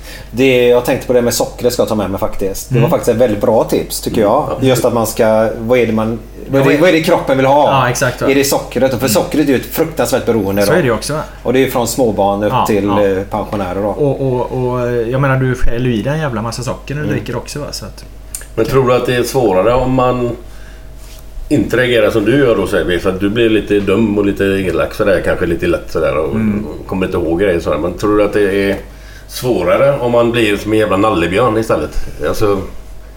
Förstår du vad jag menar? Att man inte har de här jävla idiotgrejerna som man blir dum i huvudet eller så. Utan bara tycker att fy fan det här är ju fantastiskt gött. ehm, Även om du håller på då två, tre dagar kanske på raken. Ja, det är möjligt men någonstans så om man har eh, problem, även om man nu blir liksom som en nallebjörn som du säger. Men har du problem så, så, så mår du ju inte bra av att dricka. Alltså, eh, är du inne i ett beroende, i ett missbruk så Visst, du kanske blir jättesnäll och så men, men när, när ruset och racet är över någonstans då, då, då stänger du ofta in dig liksom och mår jävligt dåligt. Och, och eh, Märker man att man har den typen av, av, av tendenser så är det ju också en, en varningsklocka. Eh, för jag menar väldigt många av de som dricker de är ju liksom inte ute och gör bort sig som jag kanske gjorde utan de, de sitter ju kanske hemma och, och, och pimplar lådvin istället och så. Då är det ingen som märker det men, men det är ju ett lika stort lidande för den som är ute liksom och är utåtagerande liksom och, och, och ställer till massa elände som ja, folk noterar. Eh, I grunden är det samma grej men det tar sig lite olika uttryck. Mm. Det är Intressant faktiskt. Eh, vad skönt, du har gjort en livsstilsförändring. Mm. Kan vi prata om det här lite grann? Men jag vill ha reda på det där med... Vilki, när var det du gick in på den öppenvårdsbehandling blir det ju då. När man Ja. bor, för bor man hemma och detta och går Ja. till sådana möten du pratar om. Då heter det öppenvårdsbehandling. Just det, just det. Sen finns det behandlingshem Ja, det. och det finns tolvstegsprogram och det finns något som heter kognitiv beteendeterapi. Då. Eh, Då gick jag ju på öppenvårdsbehandling och i kombination då med 12-stegsprogrammet och på eh, Anonyma Alkoholister då på, Ja. på A liksom. Kan att, du eh, bara förklara för oss lite grann tolvstegsprogrammet i... ja, ja, Nu ska jag ha sagt så här. Kan du förklara det lite snabbt? Men det går inte naturligtvis. Men en grund i alla fall. Alltså, de ja. tolv stegen. Alltså, Alltså, Nej, det är svårt kanske. Ja, jag, jag säger så här. 12-stegsprogrammet är fantastiskt. 12-stegsprogrammet eh, hjälper mot väldigt många olika sorters beroende och, och någonstans så skulle jag nog kunna säga att varenda människa eh, skulle ha nytta av att eh, ta sig igenom eh, eller åtminstone ett par, par steg av det. Eh, det första steget eh, eh, handlar om att, eh, att man är maktlös inför sin drog då i mitt fall eh, alkohol. Eh, att man inte kan kontrollera sitt liv längre. Eh, och, och, och det är ju i princip på den grund som hela min nykterhet vilar på. Jag har tvingats inse att jag gillar att dricka alkohol men jag kan inte kontrollera det. Eh, jag är maktlös mot alkohol när jag, när jag väl dricker. Det är det första steget. Och det är egentligen det enda steget i det här 12-stegsprogrammet då som eh, handlar om alkohol. Där man nämner ordet alkohol. Resten är en slags inre, eh, inre resa där man jobbar med sina eh, destruktiva beteenden och, och, och fyller eh, något slags andligt eh, tomrum. Eh, jag förstår att det låter flummigt och det är väl lite småflummigt också men det, det, det funkar och det är jävligt nyttigt. Alltså jag ser ju Idag, idag är mitt liv i princip problemfritt. Jag skulle inte kunna säga att jag har några som helst problem i mitt, i mitt liv alls. Och den enda förklaringen jag har till det, det är att jag har slutat dricka och, och, och, och, jag har börjat ta till mig av de här liksom, principerna som finns i behandling och, som Anonyma Alkoholister ger i ja, 12-stegsprogrammet. då. Eh, Jag är lycklig och fri och, och, och, och jag mår fantastiskt bra. Det gjorde jag inte för två år sedan. Nej.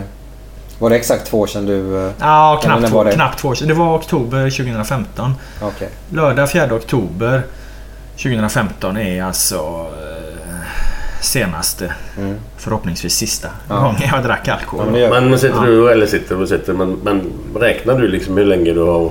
Ja. I, i, alltså Det- hur länge sedan du drack sprit Nu är det lite liksom? dåligt eh, för radio då, eller podd där, men vi, har, vi får ju liksom... Är det sån liten peng eller medalj? Ja, man får en liten peng här. Ska jag se. Ja, Jag brukar ha den. Ja, för att Ja. få fram den. Jag brukar ha den med mig överallt. Här har jag då en liten... En liten eh, brun peng, en rund metallpeng där det står eh, 18 månader, 18 month på. Och det betyder då att, att eh, jag- har varit nykter i, i 18 månader. Nu eh, var det här ett tag sedan. Jag kvitterade ut den här i våras då på Mm. ett eh, AA-möte. Eh, och det gjorde jag i Washington så att därför står det på engelska där då. Men, Fan vad men, coolt. Får vi ta kort men- på den sen? Ja, det kan ni få göra. Tack snälla. Absolut. Men, men det är liksom en påminnelse om att jag har varit nykter i åtminstone 18 månader där då. Och, Men du gick på den bär jag i alltid USA också, alltså, Ja, ja, AA finns ju över, över Ja, hela världen ja, Det ja. bildades ju i USA en gång på, på 30-talet. Så att eh, jag gick där också. Det här ser man ju i filmer ibland. När man står och håller just den där. Och så har man... Nu måste du förklara eller rätta mig om jag har fel nu då. Man brukar väl ha... Och vad heter det? En person som man vänder sig till? Ja just det, en sponsor, kallar de Sponsor det. heter det, ja. tack. Och det, det, det, det, det är då en person som finns som ett stöd och som vägleder en igenom de här olika stegen. Då, så man, man, man bollar med hur, hur man ska förstå dem. Och, och vad man ska göra. Det är ett ganska omfattande arbete man gör i, i det här programmet. Eh, Det fjärde steget det handlar om en slags personlig inventering och vad du då gör det är liksom att du går igenom alla människor du under livet har eh, behandlat illa. Och på något sätt liksom. Eh, och sen gör man en gallring där eh, i alla de här människorna. Eh, vilka som det finns en anledning att kontakta för att göra en, en personlig gottgörelse. Eh, och det handlar liksom inte om att söka någon förlåtelse och så utan det handlar om att man, man, man ska liksom ställa sig upp, titta dem man har gjort illa i ögonen och ge dem en chans att förklara så här kände jag. Det är liksom att du, du ska liksom göra rätt för dig. Och att göra rätt för sig på det sättet mot människor som man har behandlat dåligt det ger en själv en jävla kraft. Eh, och det är i nästan alla fall extremt uppskattat av de människor du kommer till. Det kan vara personer du inte har sett på tio år. Och så kommer du helt plötsligt och, och, och, och ja, vill, vill eh, gottgöra vad, vad du gjort med dem. Det, det den... kan bli fantastiska samtal ibland för att det här kanske har varit jobbigt för de här människorna. De har gått runt och liksom varit bittra och förbannade på den här jäveln be- betedde sig så jävla illa mot mig. Liksom. Och så kommer en tio år senare liksom och, och, och- och lägger sig på rygg. Det är ju det är klockrent. Det blir jättefina samtal av det. Och då får den personen berätta hur den upplevde situationen. Det är Då. själva poängen. Det är egentligen Ja. inte för, för en själv. Så ja, det ska bidra till, till min nykterhet. Då. Ja. Men det är framförallt för, för, för andra människor. Att de, kanske har, de kanske har gått runt i flera år och velat säga någonting, få ur sig någonting. Men inte sett någon möjlighet. Och en vacker dag så knackar det på dörren. Liksom. Och vill de inte så fine. Då behöver inte Men de det är göra, samma liksom. när det gäller spelberoende då? Ja, eller det- droger eller vad Ja, fan det är kan, för vara, någonting? det kan vara vad fan som Ja, helst. Va? Det Droger och, och... Jag menar i Washington där jag levde ett tag då, där hade de ju ta mig fan eh, eh, såna här eh, grupper för, för, även för om du skulle sluta röka eller snusa eller socker eller, eller allt vad det var. Så att det är egentligen tillämpligt på allting. Eh, nu kanske inte socker ger ju inte så, så destruktiva grejer som droger gör. Men, men det kan ju skapa problem med vikt och, och sådana här grejer. Så det funkar där också. Bara eh, påminnelsekort.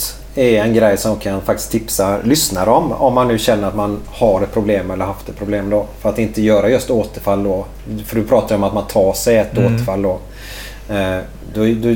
Typ som ett körkort, kanske ja, ungefär den biten. Så klipper man ut foton på personer som betyder väldigt mycket för en.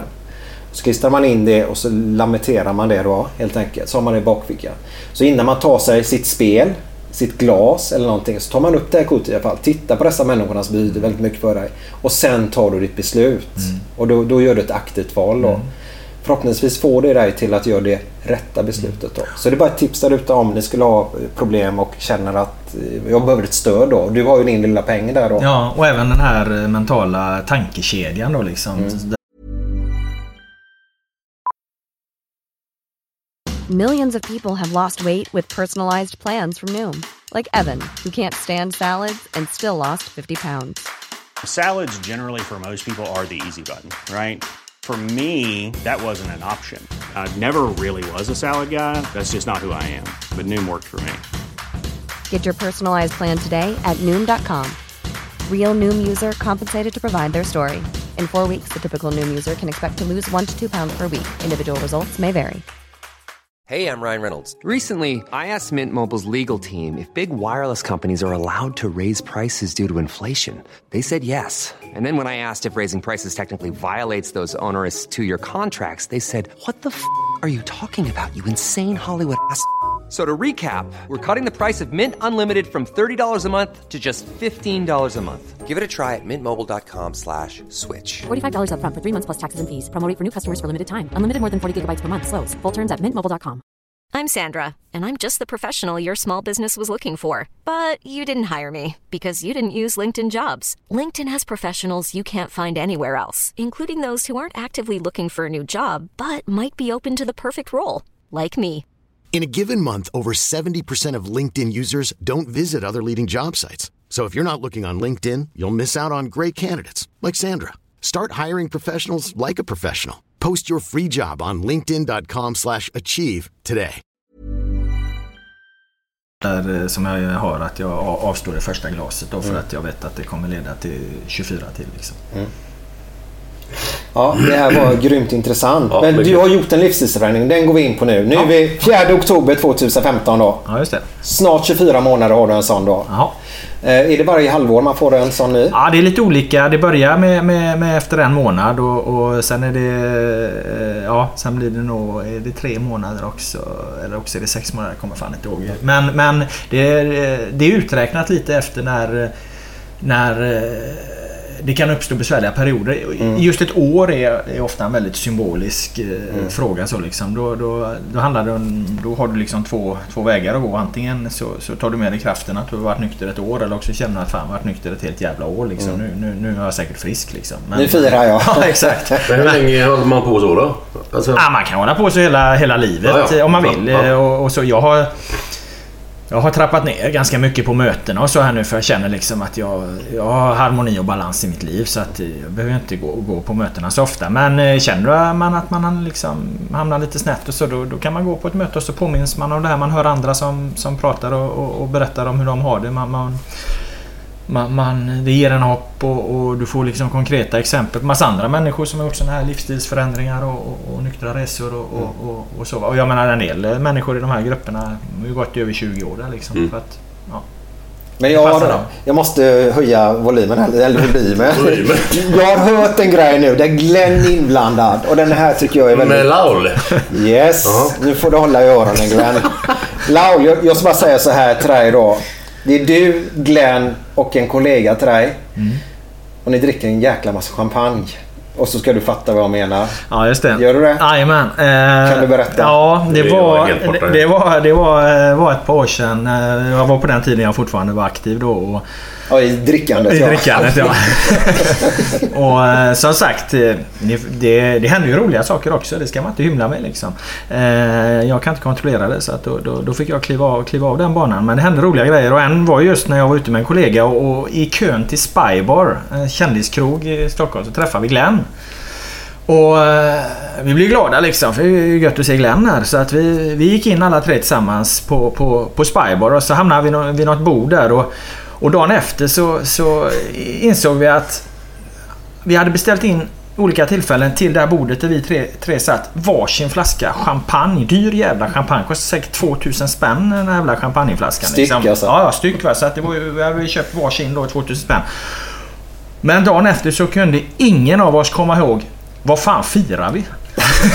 så vi hade suttit där och hivat in champagne men ingen jävel kom ihåg da- dagen efter vad fan vi hade firat. Så jag vet inte Glenn. Det är jag och min kollega som har diskuterat det här men har du någon aning om vad fan vi firar? Du kommer inte ens ihåg kvällen ju. Nej, jag har ett svagt ögonblick, eller ett svagt minne av det här. Men inte, nej, inte en aning om vad fan vi skulle dricka champagne för. Det vet jag inte. inte en aning. Ja, den är ju rolig. Så att något mer allvarligt hände ju inte den kvällen. hur länge kan man väl sedan skratta var detta? Nej, jag vet inte. Det kan ha varit en fyra, fem år sedan kanske.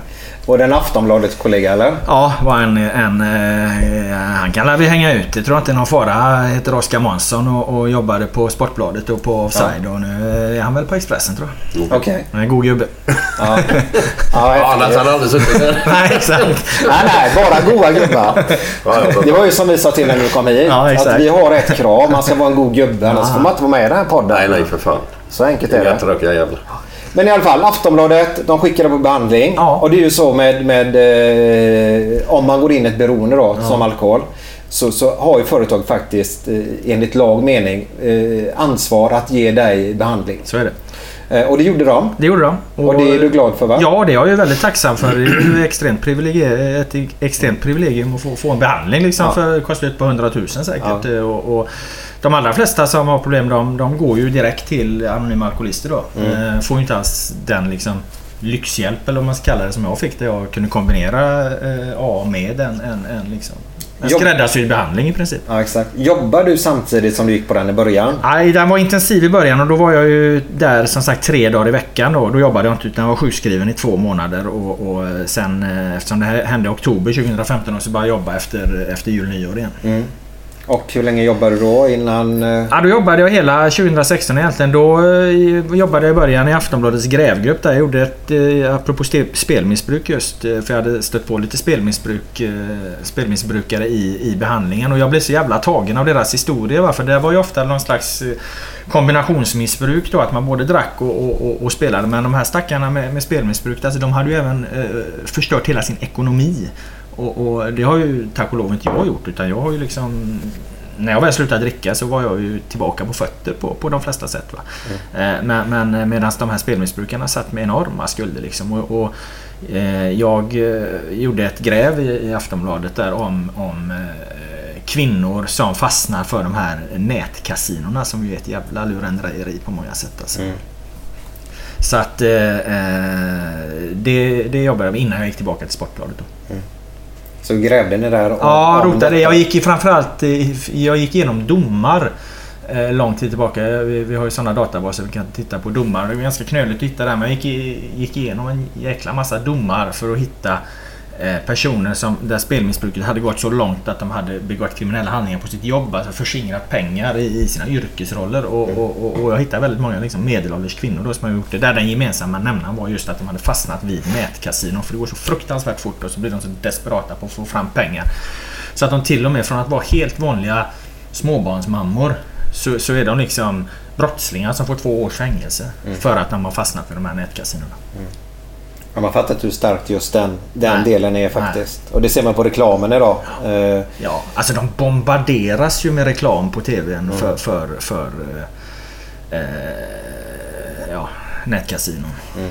Det, det, alltså, det slipper ju tack och lov vi alkoholister liksom. Alltså, där är ju reklamen mycket hårdare reglerad. De får ju det, visst, det är en bild på en whiskyflaska ibland men det sitter ju inte någon glad jävel och säger hur jävla gött det är och, och hur bra du blir av det här va.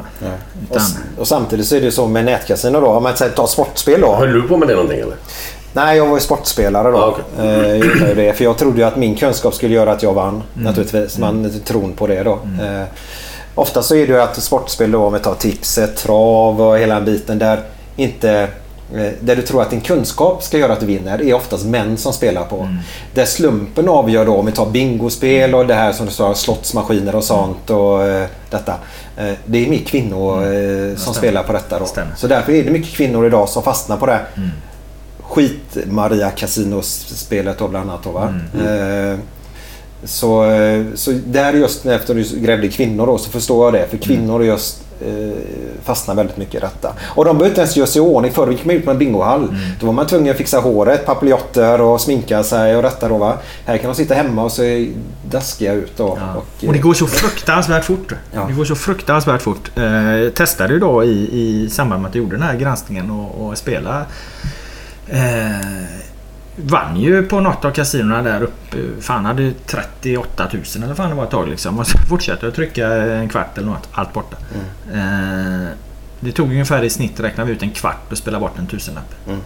En tusen spänn borta då på en kvart. Och visst, det går väl lika snabbt att liksom fylla i en, en, trippel och, och lämna in den och satsa hur mycket som helst. Men jag, jag vet inte, jag ser ändå någon form av, av eh, skiljelinje mellan sportspel och, eh, och eh, de här nätkasinorna. Jag tycker att ska man gradera det så fan ta väck de här jävla ka- nätkasinorna och slottsmaskinerna.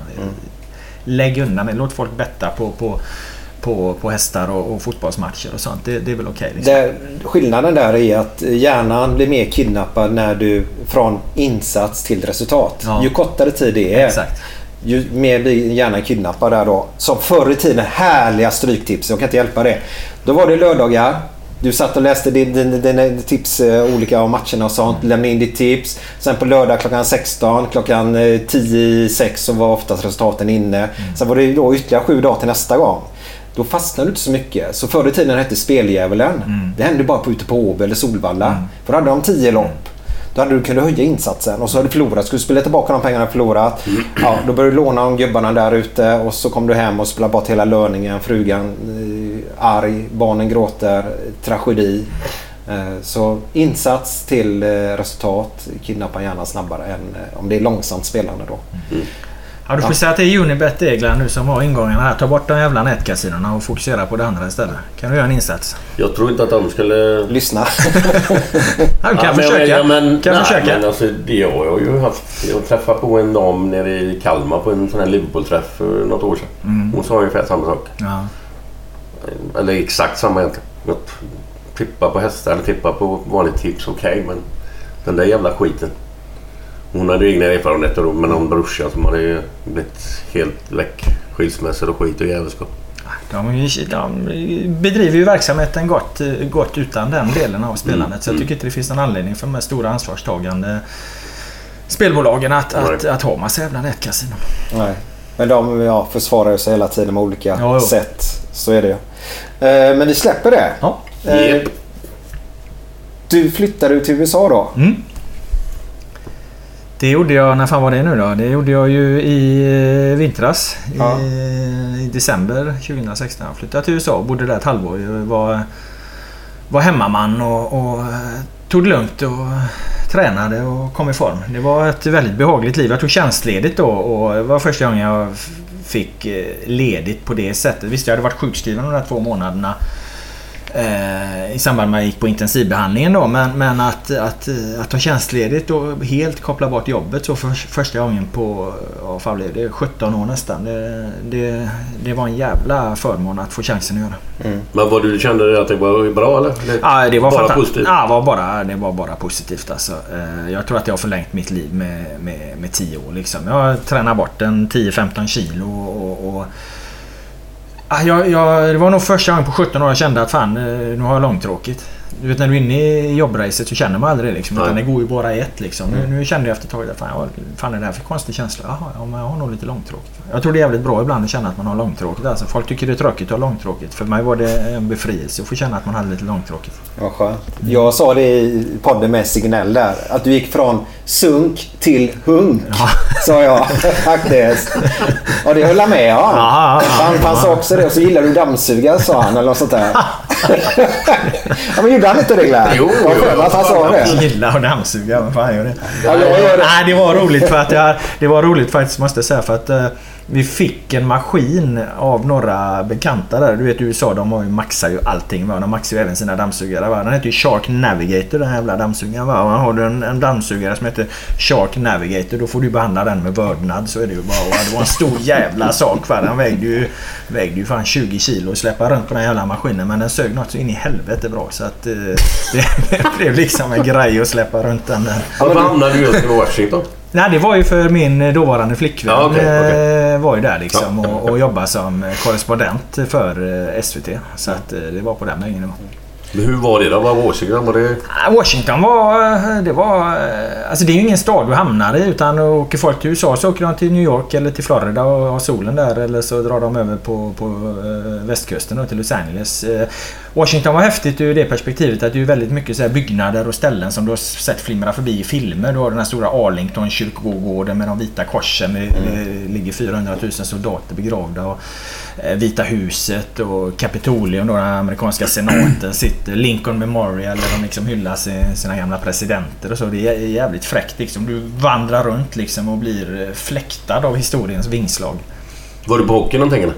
Nej, men däremot fastnade jag lite för, för hockeylaget. Jag kollade rätt mycket med på, deras matcher på TV där. Just för att de hade ju några svenskar och man blev lite lokalpatriotisk där när man, man kom till Washington. Då fick man ju följa hockeylaget och, och basketlaget också. Eh, Washington Wizards heter de väl.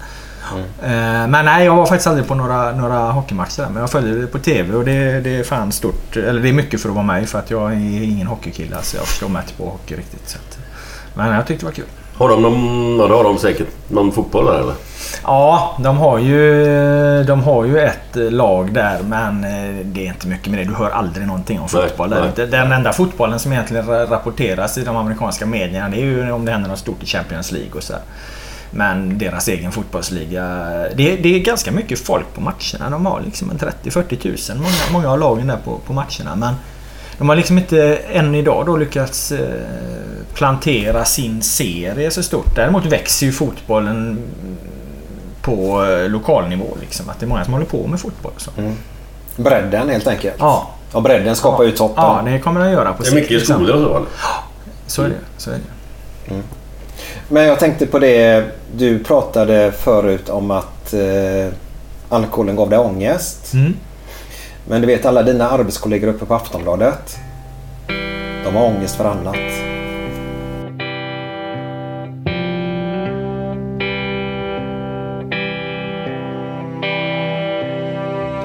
Fem på morgonen i New York City går en man i en sliten gammal hatt.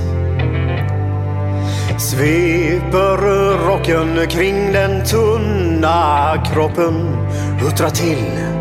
Det har varit kallt i natt. Ser en strumpa sticker ut ifrån hans sko. Vandrar vidare men utan framtidstro. Fem på morgonen i Hallonbergen står en kvinna med gråten i sin hals. Tittar håglöst in i morgonsolen. Hon är trött, hon har inte sovit alls. Två av fem miljarder människor på vårt klot. Men mot deras ångest finns det ingen bot.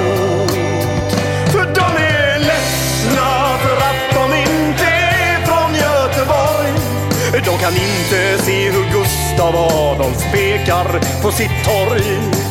Inget fel på att vara etiop.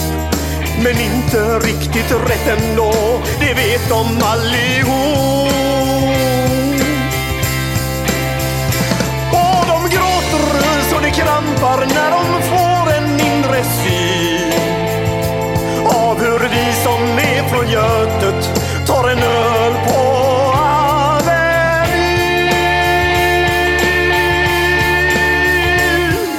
En fotbollskille får sitt genombrott och snackar proffskontakt med fem italienska klubbar.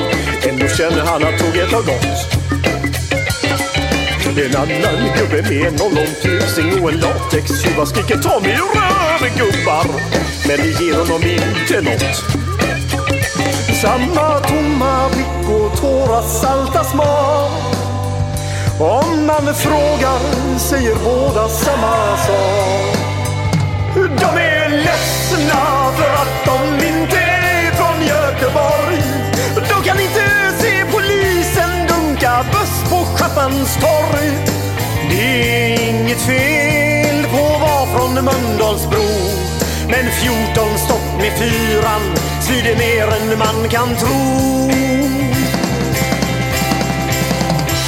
Och de gråter och slår det krampar när de får en mindre syn. Har vi vi som är från Götet? Har vi vi som är från Götet? Jaha, det var den här underbara låten med Jävlar anamma. De är ledsna. Ja. Det är, Tänkte att hela världen är ledsna. Ja. det, är, det är ju så. När de inte är i Göteborg så blir det så. Ja. Vi ser ju bara Robert hur glad han är här idag. när han är hemma igen. Det är klart. Jag är i Göteborg med Glenn Hysén. Det kan inte bli bättre. Nej. Nu hörde jag senast Paolo Roberto eh, la ut något sånt där att han börjar bli erkänna nu att han är göteborgare. Jaha, Ja. vad som fan. Eh, har han gjort. Hur kommer det sig? När man har hittat några sådana här roliga Göteborgsskämt som han lagt ut på sin Jaha, Facebook mm, nu då. okej. Det var väl den här... Hur, vad fan var den gick? Hur, hur, hur ser man att en tjej... Eh, eller vad, vad, vad kallas en tjej som är singel på McDonalds? Ja, den läste jag igår. Ja. Ja, det, Har du hört den? Nej. Fritös. En, eller något sånt. Nej, jag kommer jo, inte ihåg. fritös. Ja, fritös. Ja, ja. En fritös. Fritös, ja, det är, ja, skitsamma. Roligare så är han inte Paolo. Jo, han, du- han ska vara hit. Ja, för fan. Ja. Om du lyssnar på detta någon gång eh, så får du gärna vara med här. Ja. Eh, Men jo. du Robban, vad fan? Hur kom det sig att du började på Aftonbladet? Ehm, ja, alltså från början så var det nog att eh, när jag gick i skolan så eh, gillade jag att spela fotboll och eh, skriva. Fri skrivning. Eh, det man är, är bra på brukar man ju ofta tycka är roligt och jag var bra på fotboll och jag var bra på att skriva så att det fanns liksom någonstans i i bakhuvudet hos mig eh, hela tiden under uppväxt och, och så här att, att jag ville ha liksom ett yrke där jag skrev. Eh, journalist eller författare var väl det jag var inne på om jag inte skulle bli fotbollsproffs då. Eh, och ehm, när gymnasiet och allt sånt där var avklarat och jag skulle välja, välja utbildning så blev det journalistik. Plugga Ljungskile folkhögskola två år. Journalistlinjen där samtidigt som jag spelade fotboll i, i, i Ljungskile då. Superettan bland annat. Eh, och sen fick jag jobb på Slits uppe i Stockholm. En tidning som inte finns längre. Som var rätt bra på den tiden. Eh, rätt mycket så här eh, längre reportage. Lite grabbigare reportage möjligen. Men, men långa intervjuer och jag var och hälsade på folk i fängelse och, och, och eh, ja, intervjuade Eddie Meduza hängde jag med ut på turné och så. Eh, han dog, han dog kort därefter. Eh, mm. Men eh, det var jävligt mycket jobb på, på Slits. Alltså vi jobbade extremt mycket. Vi sov på redaktionen ibland. Det var ganska rörigt så, så att jag kände att det var väl inte långsiktigt hållbart att, att jobba på Slits. Så att eh, då när jag ändå var uppe i Stockholm och hade kommit in i branschen så sökte jag sommarjobb på Aftonbladet. Eh, och jag hade någonstans med mig liksom från utbildningen att jag ville egentligen inte jobba med sportjournalistik för att eh, jag vill inte bli så fruktansvärt nischad liksom. Fotbollsspelare och eh, sportjournalist liksom. Då, då, då, då, då är man där. Utan jag jobbade mer med allmän vanlig journalistik då. Men de tyckte inte att jag var tillräckligt rutinerad för det när jag sökte sommarjobb på Aftonbladet där då efter ett år på Slits. Utan eh, de sa det, fan vi, däremot vill vi gärna se dig på, på sporten då för att din, eh, din bakgrund som elitfotbollsspelare så är intressant att få in här. Och då hade Sportbladet precis startats. Det var 2001 där så att Sportbladet hade, hade precis kommit igång och jag tänkte, ja ja men vad fan. Så jag hade sommarjobb på, på Sportbladet och, och, och eh, sen gick det bra där och, och jag var nyhetsjägare och började åka på mästerskap och allt sånt där. Liksom. Så att jag, jag omfamnade liksom sportjournalistiken och, och, och trivdes som fan på Sportbladet efter Vilka var det som var där då? De gamla uvarna som liksom... Eh, Simon? Bank var, Bank. var där då. Eh, Wennman var ju där. Eh, Lasse Sandlin och Lasse Anrell jobbade på den tiden. Erik Niva kom två år senare. Eh, han började 2003. Men, men jag och Simon, började, Simon Bank då började ungefär samtidigt. Och, och då som sagt då var Sandlin och, och Wennman och Anrell och de här var ju de, de stora namnen då. Sen har vi, vi tagit över där då. Ja, han Rell är väl inte ens kvar? va? Nej, Arell är inte kvar, inte Sandlin heller. Wennman, eh, Wennman är kvar men han fortsätter ju inte som eh, i, i England längre. Utan Nej. han, han ska väl göra annat. Vad var den första stora typ, fotbollsturneringen man säger? Första mästerskapet jag var på plats var i Portugal 2004. Det var ett Wow. fantastiskt mästerskap Ja. att vara på för Sverige var ju så jäkla bra då. Jag hävdar ju fortfarande att Sverige hade den turneringens bästa startelva. Ja. Eh, åkte ut på straffar mot Holland eh, men hade ju både boll i ribba och stolpe i förlängningen så att det var ju en jävligt Mellberg. Ja, ja visst. Du. Ja. Men eh, med straffen där tänkte Ja, jag jag missade. Ja. Men han var, tog ändå ansvar där va. Ja, är... De andra vill ju inte skjuta. Man glömmer det. Det är ju sånt som tyvärr försvinner med tiden. Att Mellberg får ju stå där med... med, med eh, för att han missade då. Men han, han, vad fan, han, han var ju som glömd med fötterna liksom. Och skickades fram och skulle skjuta den här straffen liksom. Det, det, det fanns ju andra som, som Mm. inte, inte, inte pallade helt enkelt. och Vilka- det kan man ju inte heller liksom. Vilka, var det? Hjälp mig. Ja, de som inte ville kliva fram där var väl, som man då kan tänka, hade varit bättre på fötterna. Det var framförallt så här sån som Tobias Linderoth eller Andreas Jakobsson. Eh, som, man, som, som, som liksom hade bättre fötter. Men, men eh, känner man sig heller inte redo för det så är det ju inte lätt att kliva fram och ta en straff. Missade inte. Zlatan straffen också? Zlatan sköt över. Ja. Var Och då den, såg vi den holländska publiken precis Ja, bakom va? ja. Så var det. var det den turneringen han klackade in där mot Italien? Ja, det var ju då han blev en... Det målet gjorde ju honom Ja. till en världsstjärna. Det, det målet gjorde ju att Juventus köpte honom från Ajax då. För det var ju ett jävla fotbollsmål. Ja. ja, det är fantastiskt. Det. Men är det den, eh, även om det var den första och vad det var bra för Sverige, är det den eh, mest minnesrika som du har varit på? Eller, eller, Ja, ja, på sätt och vis. Alltså jag åkte ju sen till eh, Brasilien VM 2014 och jobbade. Och eh, Brasilien var liksom mitt favoritlag som, som eh, liten. När jag var... När ni vann Uefa-cupen där 82, då var jag sex år. Och där grundlades ju på något sätt mitt fotbollsintresse. Alltså ni vann, ni slog Hamburg eh, på våren. Och sen var det VM i Spanien 82 liksom. Och, och, och då hade jag fått upp fotbollsintresset genom Blåvitts framgångar i Europa. Och sen kommer eh, Brasilien då i VM Spanien som hade ett sånt fantastiskt. De var ju liksom den tidens Barcelona liksom. Alla, man var ju helt galen i Brasiliens fotboll på den tiden. Och, och sen dess har jag liksom hejat på, på, på brassarna. Det har varit mitt, mitt favoritlag. När det kommer till landslag har jag alltid hejat på dem i alla turneringar och så. Det är väl lätt hänt så som de spelar fotboll Ja. med, i sina bästa stunder. Exakt, exakt. Och sen får jag då åka på, på VM i 2014 när jag är liksom eh, 38. Då får jag vara liksom, får jag åka dit liksom och bevaka Brasiliens landslag i Brasilien under VM. där. Det var ju en, en cirkel som slöts där. Det var en sex som knöts ihop. Alltså större, för mig blir det ju inte större än en fotbolls-VM i Brasilien. Nej. Hängde du ner på... Vad heter den? Copacabana? Ja. ja för fan. Ja. Hur, hur, hur var det? Det var fantastiskt. Eh, Det var en...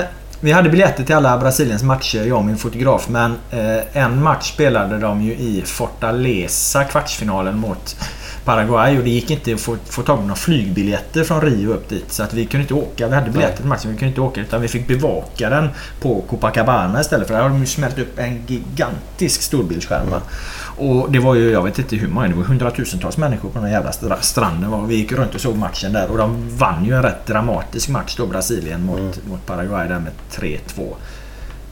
Det var ju häftigt kan jag säga. Så var på den beachen, då där var det drag. Coolt. Är andra grejer. Den här Laul Calling. Det var Laul Talking. Det här, vad, vad var det för grejer? Alltså, Ja, det var jag ju- känner ju igen det men jag kommer inte ihåg exakt vad det, vad Det var, ju, det var ju i webb-tv-historiens gryning kan man väl säga. Så där runt 2008 så började ju alla företag snegla mot hur fan ska vi göra TV? Eller alla medieföretag, alla tidningar började snegla hur fan ska vi göra TV liksom. Tekniken hade ju gått så långt att det gick att producera rörligt även om det liksom inte var SVT eller TV4. Det var mycket enklare. Så att jag och Bank och Niva där eh, som jag nämnde tidigare. Vi var väl någon form av försökskaniner liksom. De fick slänga ut oss på det djupa och, och se om det funkar. Så vi startade ett fotbollsdiskussionsprogram där. Där vi satt i eh, 45 minuter och, och, och tjötade skit om fotboll i lite olika former. Och hämtade lite så här eh, klipp från Youtube på, på, på folk som gjorde roliga saker på fotbollsplanen. Och vi hade lite gäster och, och, och diskuterade vi hade Erik Hamrén och vi hade lite alla möjliga. Under åren med, med Tommy Söderberg var där någon gång. Och, Kan man säga lite podd fast på TV? Ja, podd på? TV då. Ja, och webb-TV framförallt. Liksom Men vad är är webb- webb-TV? Hjälp mig här nu. Vad är webb-TV? Ja, men- Är det bara att man tittar på en data då? Ja precis, vad? det är när det sänds på nätet. Alltså Ja, istället för att du sitter med, med, med, med TV, en Ja. fysisk TV-apparat liksom. Så Eh, jag vi kan slänga upp den på TV när Ja man har går, sådär... ja det går ju också va. Ja. Men, men framförallt så är ju webb-TV att när inte bara SVT, TV4, TV3 och alltså de här stora TV-kanalerna eh, gör TV. Utan nu gör ju Aftonbladet TV, DN, GP, eh, ja varenda jävla Ja, lokaltidning det. gör ju webb-TV liksom. Och det tog fart där runt eh, 2008 och vi var eh, först, eller inte först var vi kanske inte, men vi var tidiga i alla fall med att göra ett webb-TV-program då.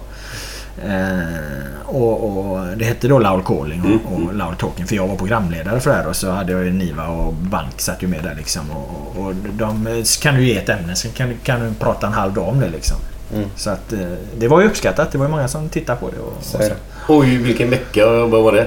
Eh, ja, det är ett liknande koncept fast eh, inte om fotboll då utan om eh, allmänt. Jaha, var liksom, allt. ja, lite allt möjligt. Jaha. Liksom. Vad händer i politiken? Vad händer i, i nöjesvärlden och så. Och där satt jag med några andra då. Det var inte jag programledare utan det var en tjej som heter Karin Magnusson. Hon har gått till SVT nu. Ska leda SVTs morgonsatsning här från och med hösten. Var hon programledare och sen var det jag och en kille som heter Oisin Cantwell som är Aftonbladets krimskribent. Skriver mycket om krim. Och så är det Lena Melin som är eh, politisk eh, kommentator och så jag då som liksom representerade liksom sport, sportvärlden. Och där satt vi också och snackade skit om allt mellan himmel och jord som, som hände då. Du gillar det va? Ja, för fan. Jag tycker det är skoj. Ja, ja men det är väl kul? Ja, ja. Man blir ju allmänbildad. Ja, ja alltså man får ju olika- försöka ha lite koll på... på visst, det, ibland får man ju skjuta från höften men, men eh, man får ju ha någon jävla koll på vad man pratar om. Ja, det måste jag fråga dig. På tal om skjuta från höften då. Jag har ju hört rykten om att, äh, rykten, jag tror mig nästan vara säker på att det var du som låg bakom den här kontaktannonsen med, med Zlatan som gjorde att han bojkottade då er Aftonbladet i typ 7-8 år eller något eller? Ja. St- Stämmer detta? Ja, det stämmer. Vilket år händer detta? Det här hände 2003. Innan 04 där då alltså? Ja, precis. Det var innan EM och allting. Det var, det var i samband med en landslagssamling. Landslaget var i Göteborg eh, skulle träna på Gamla Ullevi. De skulle möta, jag kommer fan inte ihåg, det var San Marino eller fan. Nej, det var något lag de skulle möta sen. I kvalet till EM 2004 då. Och då gjorde jag en intervju med Zlatan. Och i, i, han var ju rätt eh, ung och oskriven och visst, han hade ju slagit igenom men han var inte den jättestjärnan som han är idag. Utan han var ju fortfarande i Ajax och, och, och han var inte helt ordinarie i landslaget heller. Nej. Utan de körde mycket med Albeck och Mattias Jonsson på topp på den tiden. Och, och sen kom ju Henke tillbaka också. Så. Men eh, i alla fall, eh, jag gjorde en intervju med Zlatan eh, och han pratade väldigt mycket eh, själv om att han ville ha en tjej och det var lite ensamt i Amsterdam och han ville ha en stor familj tidigt. Och han var väldigt liksom öppenhjärtig och pratade om det. Jag sa till han på skoj liksom att ja men du får fan sätta ut en kontaktannons då. Ja, då garvade han ju bara så att nej nej för helvete det, det, det skulle han inte göra då. Eh, Han tyckte ödet skulle låta bestämma det här. Men sen till den här artikeln så gjorde vi liksom en skämtsamt utformad. Det var ju kontaktannons. Den var ju överdrivet ironisk. Jag tänkte inte i min vildaste fantasi att den skulle kunna gå att missförstå. Att, att det liksom var en seriöst menad kontaktannons för Zlatan. Men han tog det ju blodigt, på blodigt allvar liksom. Och konfronterade mig dagen efter i, i, i samband med en träning när jag var där. Han kom liksom, jag hörde hur hans skruvdobbar klapprade när han kom i, i korridorerna på, på Gamla Ullevi då och, och gav mig en utskällning och tyckte att jag hade gjort bort han i hela Sverige och att jag var en pajas. Han skulle aldrig prata med mig mer. Och, ja, det ledde ju som du var inne på där till att, till att han inte eh, lät sig intervjuas av Aftonbladet på, på, på sju år. Det var våran dåvarande chefredaktör som åkte ner och mäklade med. Så han bojkottade i sju år och jag kan ju tycka att för helvete alltså, så, så, Ja, så långsint hann du inte du varit Glenn. Det, det... Nej, det tror jag knappast. Jag har nog, för det första har jag nog fattat att det var ett skämt. Ja, det kan man, ju, kan man ju tycka är det första man borde göra. Men det gjorde inte han.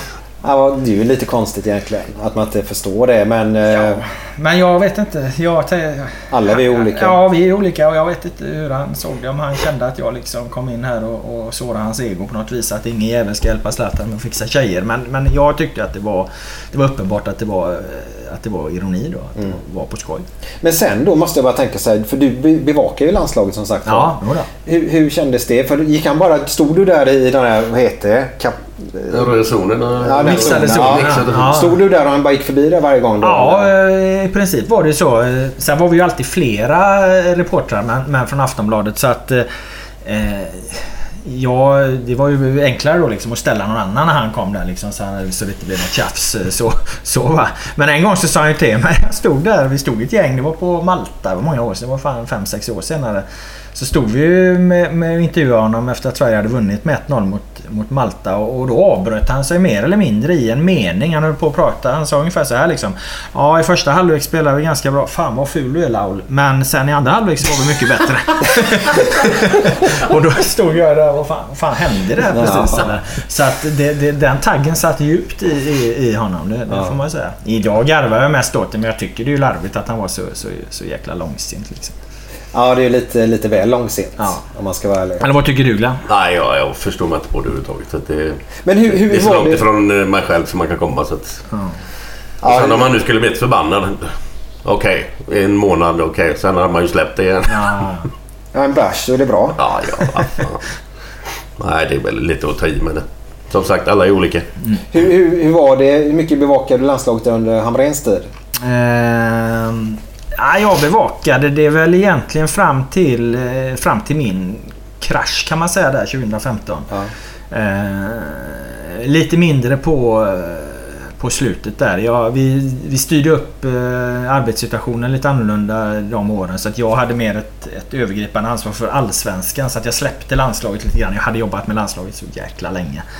Eh, och, och det hade jag visserligen gjort med Allsvenskan också. Men Allsvenskan är något det jag, jag brinner för. Jag gillar Allsvenskan. Liksom. Jag har alltid, alltid gillat vår egen liga. Liksom. Så att, eh, det, det, jag, jag började mer fokusera på den där de sista åren. Men säg ändå att jag bevakade eh, landslaget fram till ja, men 2013 14 eh, seriöst. Liksom. Har du sett någon väldigt stor skillnad kontra eh, vilka förbundskaptener som har varit? Hur de har betett sig mot er om man säger alltså tillgängligheten till spelarna och sånt. Har det varit skillnad? Eh, ja, det, det, det har det ju. Eh, det började förändras just där eh, ja, med kontaktannonstiden, eller EM 2004 egentligen. Då skruvades, eh, skruvades det åt från landslagsledningens sida. Då blev det svårare att få intervjua eh, spelarna. Det blev mindre tillgång till dem ur mitt perspektiv som, som journalist. Då. Och, och det hängde ju också ihop med att Eh, där växte intresset för fotboll jäkligt mycket liksom och, och, och det blev enklare för, eh, för, för journalisterna att bevaka i och med att eh, nätsidorna kom in och det levererades en satans massa material om det hela tiden. Så det blev ett ökat tryck på landslaget och, och de svarade liksom då med, med att eh, strypa tillgången. Och Lagerbäck då som var förbundskapten, Tom, eh, Tommy Söderberg och Lasse Lagerbäck som var förbundskapten på den tiden. De, eh, de var liksom inte så förtjusta i det här nya massmediala trycket då. De, de var liksom vana vid att det var mer, kanske mer kompisrelationer mellan medierna och, och, och landslagen. Men, men eh, under de här åren så intensifierades nyhetsjakten mycket mer liksom för att konkurrensen ökade när alla skulle leverera till nätet hela tiden. Eh, sen så hade ju Lagerbäck en helt annan approach när jag följde honom i VM, EM 2016 sen i, när han var förbundskapten för Island. Det var en dröm att ha att göra med. Liksom. Det, var ganska, det var ganska stökigt och bökigt när han var förbundskapten för Sverige. Särskilt de sista åren. Han, han, han var väldigt trött på oss och vi var väl kanske lite trötta på honom. Men sen så när han var förbundskapten för Island 2016 det var ju fantastiskt. Alltså ställde du en fråga till honom då delade han ju verkligen med sig av den stora kunskap han har om fotboll. Istället för liksom att vara, vara, vara tillknäppt och, och ja, tycka att vi i medierna mest var ett problem liksom. Så svarade han på, på frågorna och la ut texten och då är han ju jätteintressant att lyssna på för det är ingen, råder ju ingen tvekan om att den mannen kan fotboll. Han är ju grym. Eh. Men är, alltså, jag har aldrig försökt mig på det där riktigt. Det är, det är gubbar som, nu är det inte bara pengar det handlar om, men de är stora och de vet att det är intressant för svenska folket och allt detta och alla journalister. inte det sånt man bara ska svälja liksom? Att journalisterna är runt omkring dig hela tiden. Fan, du är ju sånt, fan, du har ett sånt jobb som alla vill höra vad fan som händer. Ska du då vara motvillig att prata? Vad fan ska jag... Nej, men jag, det, det är precis som du säger Glenn och, och, och jag kan ju dra en kontrast till när jag kom liksom till Brasilien och följde Brasiliens landslag eh, VM 2014. Du vet att där var det 2000 journalister på de presskonferenserna. 2000, ett, ett, liksom ett släptåg. Kanske 100 journalister som följde Sverige när det var, var som mest. De här hade ett drev på 2000 människor från, från alla håll och kanter. Eh, och, och deras inställning var ju precis den. När spelarna satt på podiet, när spelarna gjorde intervjuer så, så, så insåg de att de talar i, till sina fans i grund och botten genom alla dessa journalister. Liksom. Så det var ju inte, det var inte tu tal- om något annat än att de skulle ställa upp och svara på frågorna. Men jag tror att det gick lite fort där på många sätt i, i, i- Sverige. Det hade varit på ett sätt eh, fram till någonstans 2004 och sen blev det helt plötsligt på ett annat sätt. Liksom. Trycket ökade på landslaget och de som var i landslaget på den tiden Lagerbäck och kompani och, och, och, och, och Henke och, och Zlatan och Ljungberg. Alla de här. De, var liksom inte riktigt vana vid att det, för, eller de hade liksom svårt med att det förändrades. Idag är det mycket bättre. Idag, Jan Anderssons landslag tror inte jag har något bekymmer alls med det här. Nej, det kan jag aldrig tänka mig. Nej, utan, utan han, han fattar det liksom. Och de här spelarna som är i landslaget idag, de är uppväxta med sociala medier och, och, och har själva liksom formulerat sig där på och haft en, en, en annan relation till eh, att snacka om sitt jobb. Och så. så att idag är det inte så, men, men då var det problematiskt. Vad tycker du om dagens landslag då? Eh, jag är ju jätteimponerad. Jag har ju inte följt eh, Jan... Teknikproblem hade vi. Ja, men Jan Anderssons landslag där har jag ju egentligen inte följt på samma sätt som jag följde Sverige tidigare. Så att jag betraktar ju det mer ur något slags eh, utifrån perspektiv. Och, och jag har ju ingen annan eh, synpunkt eller åsikt om att, än att jag är jävligt imponerad av, av, av det man har gjort. Alltså att man har gått tillbaka till, till grunderna och, och, och börjat om därifrån. Satt defensiven. Fått fram ett fungerande mittbackspar. Jag menar Hamrens eh, stora problem var ju under att de där åren hade Sverige inga mittbackar. Han fick ju ändra och hålla på hela tiden. Liksom. De fick ju aldrig någon defensiv grundstabilitet. Och det, den stora skillnaden här nu är ju att Jan Andersson kan bygga jävligt fint utifrån Victor Nilsson Lindelöf och eh, Andreas Granqvist som Mm. bra mittbackspar. Och jag menar, det vet ju Glenn hur mycket det betyder liksom att ha den får in den eh, stadgan där och, och, och, eh, det skulle jag säga är nog den största skillnaden. Plus då givetvis att, att eh, Zlatan inte är kvar längre. Sen så tillhör jag ju, även om jag har haft mina duster med Zlatan då, så, så tillhör jag de som tycker att om han knackar på en landslagsdörr igen så är det klart att han ska tillbaka. Man kan ju inte säga nej till, till så bra fotbollsspelare om han nu skulle komma tillbaka från sin skada och allt det. Men jag tror inte liksom att att eh, det, det skulle rasera så mycket och så. Jag, det, det tror jag är ett utifrån perspektiv att, att han då tar över allting och, och det går åt helvete. Jag tror att bra fotbollsspelare är alltid välkomna i fotbollslag. Sen är det väl så att, i alla fall tycker jag det, att alla andra runt omkring tar ju större ansvar nu än vad de gjorde när han var med. För då lämnar Ja. de över mycket på honom. Liksom. Vad fan, Nu får ju alla ta tag i det lite mer. Ja. Det, man märker ju att det funkar ju fan det också. Ja, och det är ju ett... eh, Det är ju ett säg att Zlatan skulle komma tillbaka då. Det är ju ett eh, ledar... eh, Ja men det är ju Anders, Anderssons ansvar då att se till att okej nu har vi en världsstjärna här men det innebär liksom inte att, att, att alla runt omkring kan söla utan här gäller det ta med fan och ta på samma sätt ändå. Det måste ju fungera. Jag menar landslag med, med större stjärnor än Zlatan har ju, har ju fungerat. Så att det är Oh, klart ja. att Sverige också Ja, skulle ja. fungera. Jag håller med dig exakt. Det är en ledarfråga helt enkelt. Och den var väl Halmren inte riktigt mogen om man ska säga då. Han hade mycket problem med, med det här med för att han liksom inte hade några bra försvarsspelare och så. Men, men, men, men ledarskapsmässigt så, så gick han väl lite vilse kring Zlatan där. Även om han fick ut mycket av Zlatan ska man ju säga till Hamrens försvar. Så, så var det ju något som han lyckades inte få det där riktigt harmoniskt liksom. Han, jag tror inte han liksom... Han, han, han, blev inte ledaren. Nej. Jag måste fråga dig när vi släpper landslaget här. För vi måste in på Blåvitt Glenn. Det är på gång nu. Eh, eh, Jag måste slå en signal snabbt här. Jag gör det live. Det gör inget va? nej, nej, ring du på. Då, då frågar jag dig då Robert under tiden. Eh, var, det två, var det hösten 2010 där Hollandsmatchen var? Stämmer det? Ja, det stämmer. Ja. stämmer. Och då hade ju Holland precis förlorat mot Spanien om jag inte är fel i förlängning va? I VM-final. Just det. Ja. Och helt plötsligt så ska vi åka ner då och möta Holland borta. Och eh, det är ju inte bara Hamrén som, som, som går ut med den här shining och att nu jäklar ska vi vinna. Utan jag får ju för mig, eller mitt minne är i alla fall, att även ni i media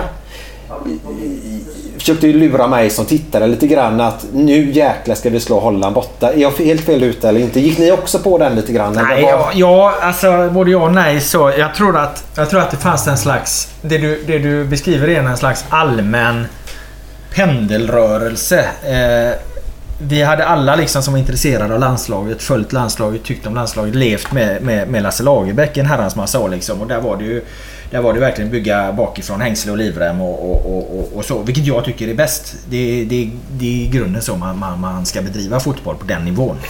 Eh, men det hade varit så i väldigt många år och sen när förbundet skulle välja en ny förbundskapten då ville de ha något som bröt mot det. De ville liksom skaka liv i det igen.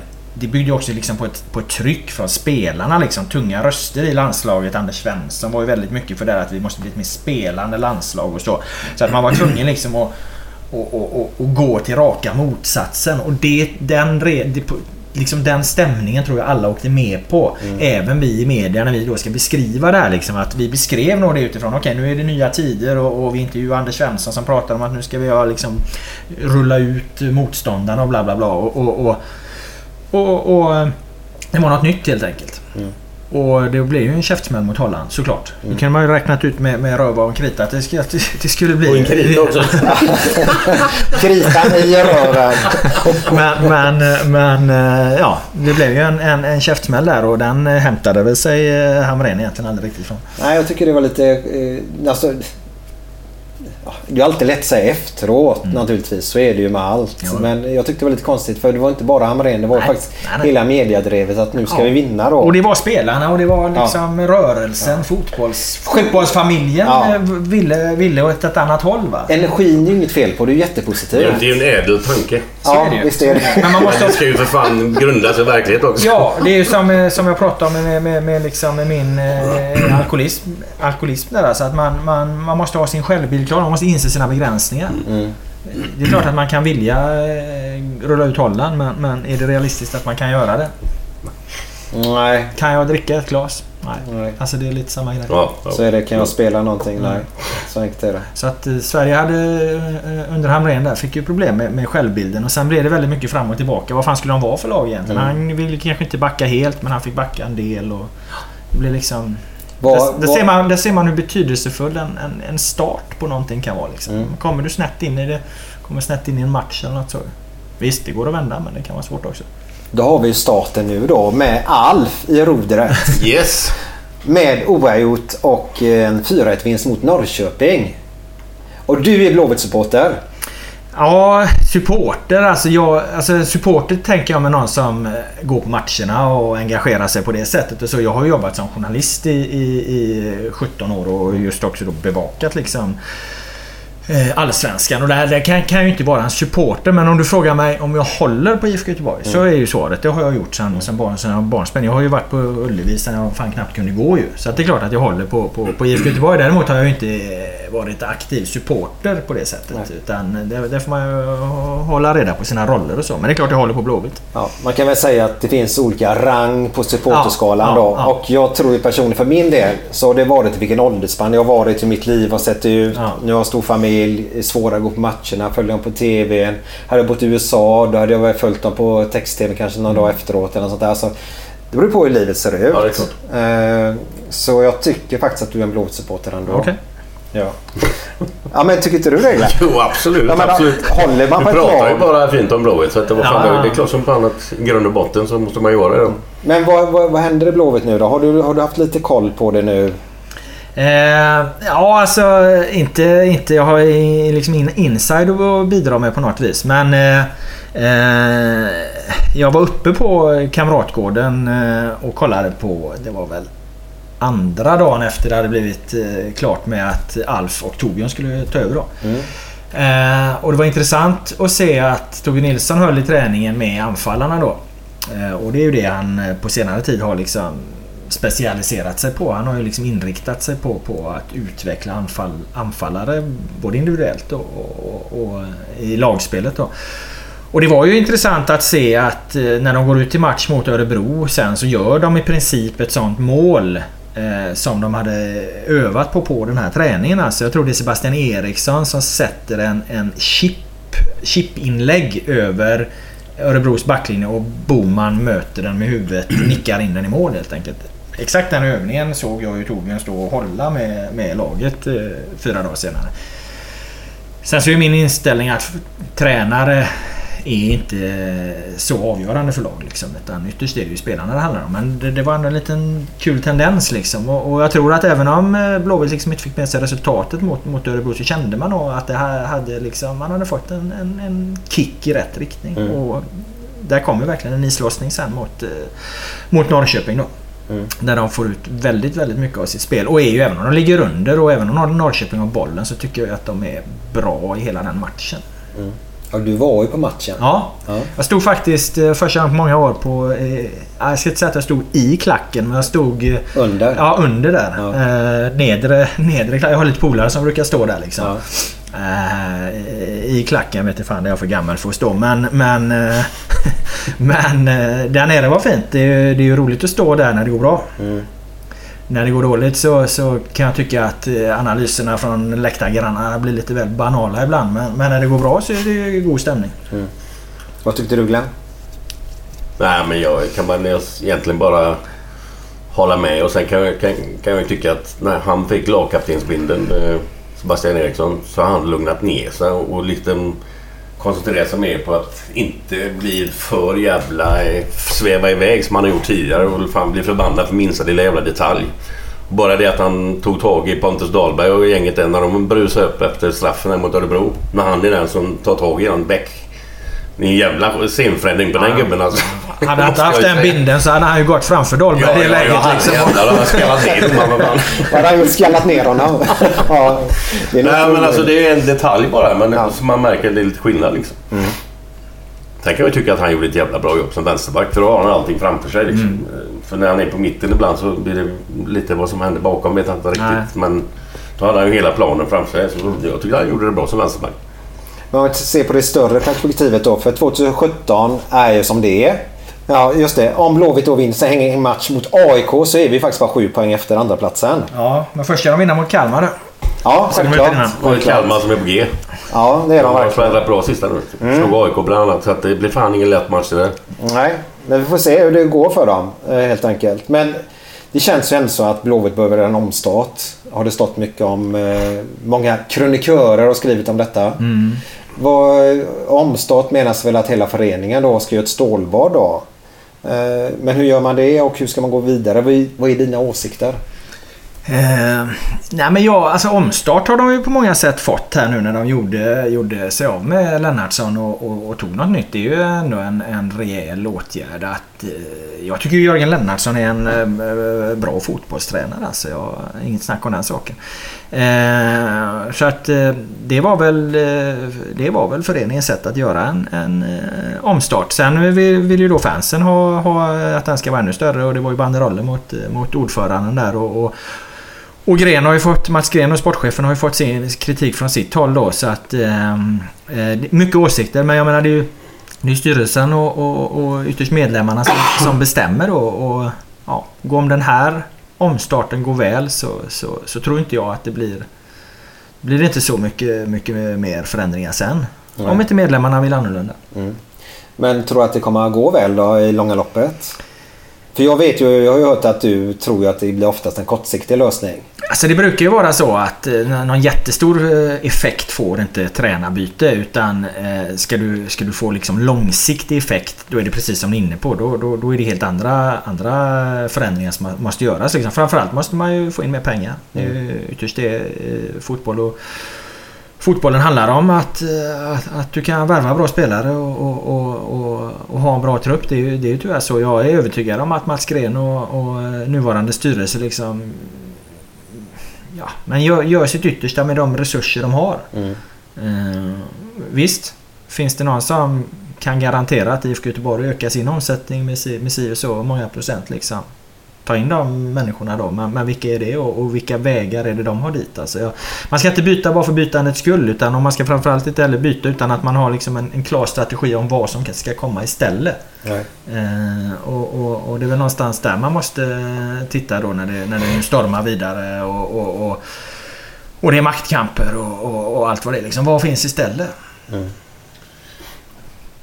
Vad Glenn? Har du, har du något nej, att dra fram ur Nej, jag bakfickan? har, inget, jag har ingen patentlösning men Det är som du säger med, med ekonomin. Liksom, man kan ju inte sk- skita i pengar om det inte finns någon. Liksom, det, man får ju rätta, efter, rätta sig för vad man har och det man har får man ju alltså göra vad man kan med. Mm. Och sen får ju supportrarna komma att det, alltså, då får de ju för fan inse det att det går inte att få hit den och den och om du vill ha den spelaren och den och den ska komma hit.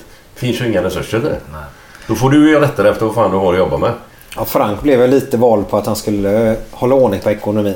Jo, jo. Eller, var det, eller har jag fel? Jo, men jag tror inte att det var att- han blev vald för att han skulle skaffa in 130 miljoner extra. Liksom. Det tror jag knappast. Han ska vi Men hålla att i den Han ska istället. hålla i det, ja ja. Hålla ner den alltså. Ja, ja, ja. Just, eh, Men ska du hålla ner den så kan du inte köpa spelare hit dit. Utan Det är ju lite moment 22 här va. Liksom det, Sen så pratar man liksom om en tränare där och det är, vad heter han, Potter i Östersund ska till Blåvitt så. Men vad fan, det är väl inte Blåvitt? Alltså Blåvitt är inget eh, Bar- Barcelona liksom.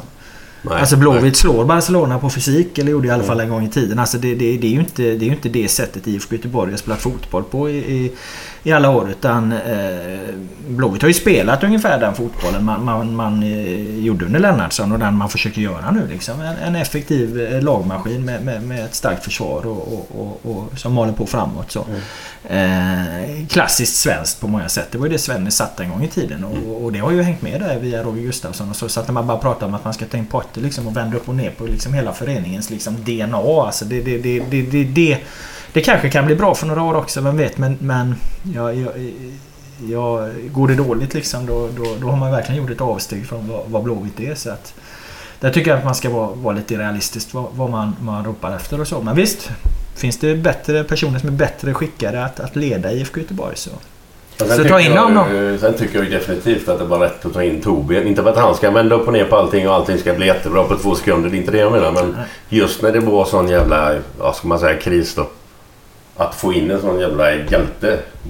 Det blir ju en mer positiv liksom, kick åt rätt Ja, håll. men så, så är det ju absolut. Och det är ju, Inte att han ska vända Nej, upp och ner på allting men Nej, att nej. Alla får ju en jävla... Fan nu hände det något här. Men där tar du också ett beslut som är precis i linje med vad IFK Göteborg är och vill stå för. Herregud, det, det, det är liksom den största ikonen av alla liksom. Och han, har, han står också för en fotboll idag som, som, som är väldigt mycket IFK Göteborg. Och det du pratar om att det blir liksom en... en fan, farsan eh, fick jag dit på första matchen liksom. Han har varit för besviken för att gå liksom. Men nu fick jag dit honom på, på Örebro-matchen liksom. Det var ju fan till och med som morsan som inte är särskilt fotbollsintresserad sken ju upp eh, när, när hon hörde att Torbjörn var tillbaka liksom. Så det är klart att, att det skapade en positiv effekt. Ja, i- Väldigt just det sätt. läget I det som var, läget. liksom. Ja. Ja, det är inte lätt det där med fotboll alltså. Men det är ekonomi pratar vi om. Mm. Det är A och O. Ja, det faller ju bort lite i de här resonemangen när man pratar om att det ska in ny, nya tränare. Så jag tycker man, man, man övervärderar ofta tränarens eh, roll i möjligheter att skapa den framgången som supportrar vill ha. Det vill säga vinna Allsvenskan. För det, det, är ju- det, är ju- det är ju dit alla IFK Göteborg-supportrar vill. Så det, det, det handlar ju om att, att vara i toppen. Samtidigt var ju Blåvitt tippa 7 till 10 i år va? Ja, det var de kanske. Jag tror jag tippade att de skulle vinna men... eh, Ja, men det säger ju... Det gör man varje år. Det gör ju alla Blåvitt-hjärtan. Man hoppas ju på det i alla fall. Eh, nej men visst, det, det var väl rimligt, eh, rimligt att, att eh, kanske då att anta att de skulle hamna eh, ungefär någonstans där de ligger. Då. Ehm, men ja. Mm. Nej, man måste ju vara rädd om sin själ tycker jag faktiskt. Eh, sen är det svårt. Men så just nu, jag har bara en fråga till dig. Du, kanske kan detta bra. Hur, hur funkar det med sen när man du vet, lånar in en spelare och så har man heter köpoption? Ja, heter det, va? ja. Bestäms den summan när man lånar in spelaren eller är det så att den summan kommer sen då? Ja, det normala är ju att i optionen eh, ligger det ett, eh, ett belopp som man har eh, bestämt. Ja. Och eh, den liksom klubb... Den fördel man då har när man tecknar den här optionen. Det är ju att även om den här spelaren gör en jävla succé liksom, så, så, så har man första tjing. Man har liksom rätt att köpa, det, köpa honom för det man kommer överens om. Mm. Det, det, det, det är ju liksom poängen med det. Det är poängen. Ja. För jag har ju lite svårt. Men jag förstår ju att ekonomin är som den är då. Men det med låna in spelare ett halvår Mm. och sånt. Jag, ah, det drar i, själen faktiskt lite grann. Gör det. Eh, man har ju ingenting att sälja till slut. Nej. Eh, nu har de ju Dahlberg som de hoppas på. Ska Mm. utvecklas till en jätteduktig fotbollsmålvakt. Kunna sälja honom då. Han är ju bra men man får Ja. ju räkna med att det kan bli en del eh, tabbar sådär. Men det får man ju för fan... Det är en 18 år. Är han 18 år? Han är. Mm. Det måste ju hända liksom. Vad fan det är? Ja, men så är det. Ja, så är det. Det är en supertalang. Men det du pratar om där, det, det, jag hör ju många prata om det här med, med lån och, och, och kortsiktighet och så här. Alltså, är man beredd då att IFK Göteborg är ett bottenlag som bara satsar på sina egna, eller satsar ännu mer på sina egna och så. Alltså, köper man det? Alla gör ju inte det. Så när det går dåligt så sjunker publiksiffrorna och det kommer in negativa spiraler och då blir det kritik liksom. Och så då ska man ha in nya personer i styrelsen som ska satsa på ett annat sätt. Och så kom ju Mats Gren in här för några år sedan och nu kör han sin linje. Så det, blir liksom, det, det är väldigt svårt också för, för, för förening liksom. Och när framgång är det enda som ska bära den. Mm. Jag tror att man behöver liksom hitta saker i Blåvitt som alla supportrar är jävligt stolta över och, och, och, och håller på Blåvitt fastän Blåvitt kanske inte är den här segermaskinen Mm. längre. Istället för att som min farsa liksom. Jag, ah, jag går inte dit längre för att Blåvitt vinner inte längre. Jag kan säga till honom, vad är det för jävla inställning? Ja. Eh, Men han, är, han lever kvar i det liksom. Han förstår inte. Han, kan inte. han har inte gått vidare från 90-talet. Han fattar inte att Blåvitt inte vinner på samma sätt längre. Han tror liksom att, eh, att det kommer komma nya Torbjörn Nilsson, nya Glenn Hysén på det sättet. Det kanske det gör en gång var tionde år. Men, men de, de, de lagen som de hade under de åren. Jag kan inte säga att den tiden kommer, kommer, kommer komma tillbaka liksom. Och då måste man hitta något annat som, som gör att man vill gå och se Blåvitt ändå. För man är jävligt stolt över IFK Göteborg som, som förening. Och jag vet att det pågår ett sånt här arbete inom IFK. Ett identitetsarbete. Och det tror jag är jätteviktigt. Jag ska inte Mm. liksom sitta och säga här vad, vad, vad de ska göra och så här, För det är en djupare diskussion som, som man måste ta hänsyn till väldigt mycket. Många parametrar. till. Men jag tror att det är farligt ifall framgång är det enda man, man enas kring och det enda man, man, man drivs av. För att Mm. framgången är jävligt svår att leverera över tid. Mm. Du kan leverera ett guld här och var liksom. Men du, man, jag menar, det guld. El- Elfsborg kommer också vinna guld lite då och då. Malmö vinner mycket guld nu för de har mycket pengar. AIK har i och för sig bara vunnit tre guld på 80 år så att det, det, där kanske de inte vinner så mycket. Men, men Djurgården kanske gör det igen och, och så vidare. Och så vidare liksom. Och så ser svensk fotboll ut och så kommer svensk fotboll se ut eh, under överskådlig framtid. Och därför är det väldigt viktigt att det finns något annat liksom, som, som drar dit oss och, och, och får oss att känna en stolthet över Blåvitt. Mm. Ja, det är ju det. Det finns så mycket mer idag också för ungdomar att Ja. göra än att gå till Blåvitt. Men om du får en liten kille som går runt i en Blåvitt direkt. Ja. Så blir ju han ju ambassadör för Blåvitt. Ja. Och då sprider han ju detta. Det är jättebra. Men idag så har inte den ensamma mamman i en förort någonstans råd att köpa en Blåvitt direkt till sina barn. För de är så jävla dyra. Ja. Och det tycker jag faktiskt är dåligt Blåvitt. Det borde ni se över. För du Glenn var inne och köpte en Blåvitt direkt här nyligen va? Ja, jag var inne och köpte en Ja. och fick ändå 20% rabatt. Det var ett par, en tröja par byxor. Det var ju 800 spänn. Mm. Det är ju jävligt kortsiktigt. Skitkortsiktigt det är är inte alla det. som har råd med det liksom. Nej, Nej. för helvete. Det är Nej. svindyrt. Och det är ju för mycket pengar. Så det är inte Ja, lite- Alltså lägga på en tröja. vad fan. Säg att du har tre är pojkar hemma. Den är så här stor. Ja. Hoppas få sätta byxor. Ja. Det är Nej, det är klart att det är för dyrt. Ja.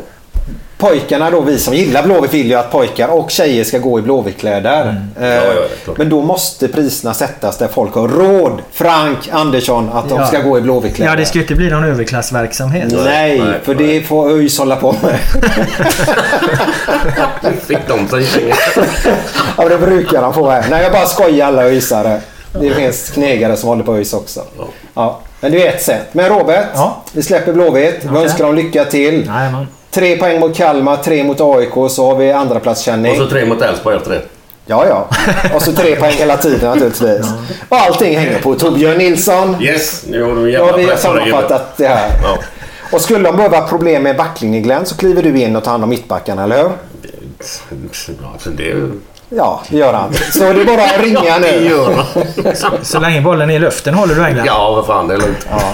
Eller hade ni så här samtal, för du satt jämte Frank Andersson på matchen nu senast. Du fick ju biljetter åt Snackade inte så mycket. Jag bara tyckte den här banderollen som kom upp var lite tråkig. Men vad fan sa han när banderollen kom upp? Då? såg ingenting.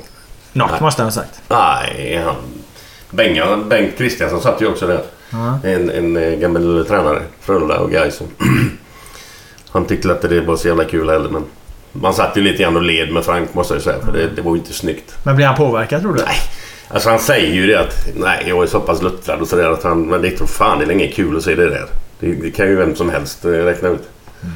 Det vad du heter. Jag hade ju tänkt att se en sån om sig själv. Det är ju inget kul. Nej, Det gör ju ont i magen. Ja, det är klart det gör. naturligtvis. gör det. Absolut. Alla vill ju vara älskade. Ja. Men Men jag tycker det är lite svårt där. Alltså, det, det, det är klart att eh, fansen eh, ska eh, lyfta fram sina åsikter och, Ja, och de har ju rätt att, att tycka och tänka vad de vill. Men det var ju något upprop där på, på eller någon skrivelse på nätet där. Den tyckte jag inte kändes helt klockren. Alltså, den handlar om detaljer under maktkamp och så här och, och sådana här liksom maktkamper och olika folk har olika åsikter. Det pågår ju alltid i föreningar och, och, och så. Jag menar styrelsens uppgift är ju att lite hålla koll på vad en sportchef gör så att han svävar iväg med, med, med ekonomi. Jag kände lite att hur fan är det här vinklat egentligen den här skrivelsen? Är det, kan det vara, vara så liksom att styrelsen egentligen bara har gjort sitt jobb och vill hålla koll på en, på en sportchef? Så, så att han tar sig för stora befogenheter och så. Jag menar IFK har ju dåliga exempel av sportchefer som har har tagit sig för stora friheter. De har backat banden med 10 år med, med, Mm. med allt som hände då och så. Så att eh, det... det ja. Jag vet inte. Det, det, det, det är svårt när det blir en så ensidig bild. Och samtidigt förstår jag att Frank och de här inte vill gå ut liksom och, och bekräfta den här diskussionen för mycket. För då gör man en sån jävla stor sak av det. Än så gick de ju ut och försvarade lite grann på sin eh, eh, sida tror jag. Det är nog första gången på länge det har hänt. Ja. De besvarar alla de fem punkter. Jag tror det var fem punkter va? Ja.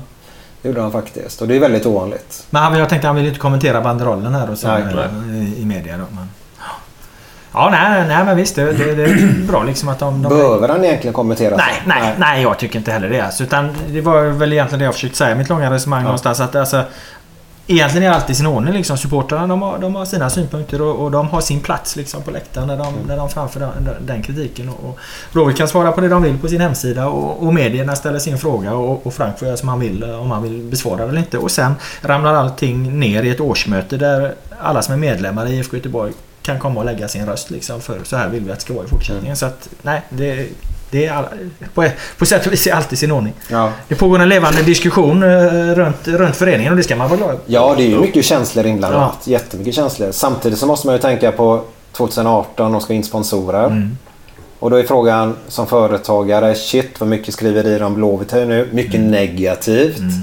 Eh, vill jag gå in med mina pengar där då Mm. eller inte? Ja, det finns mycket att diskutera. Ja, Men Robert Laul eh, som är då eh, reporter, säger man så eller? Journalist. Ja. Men även nu snart författare va?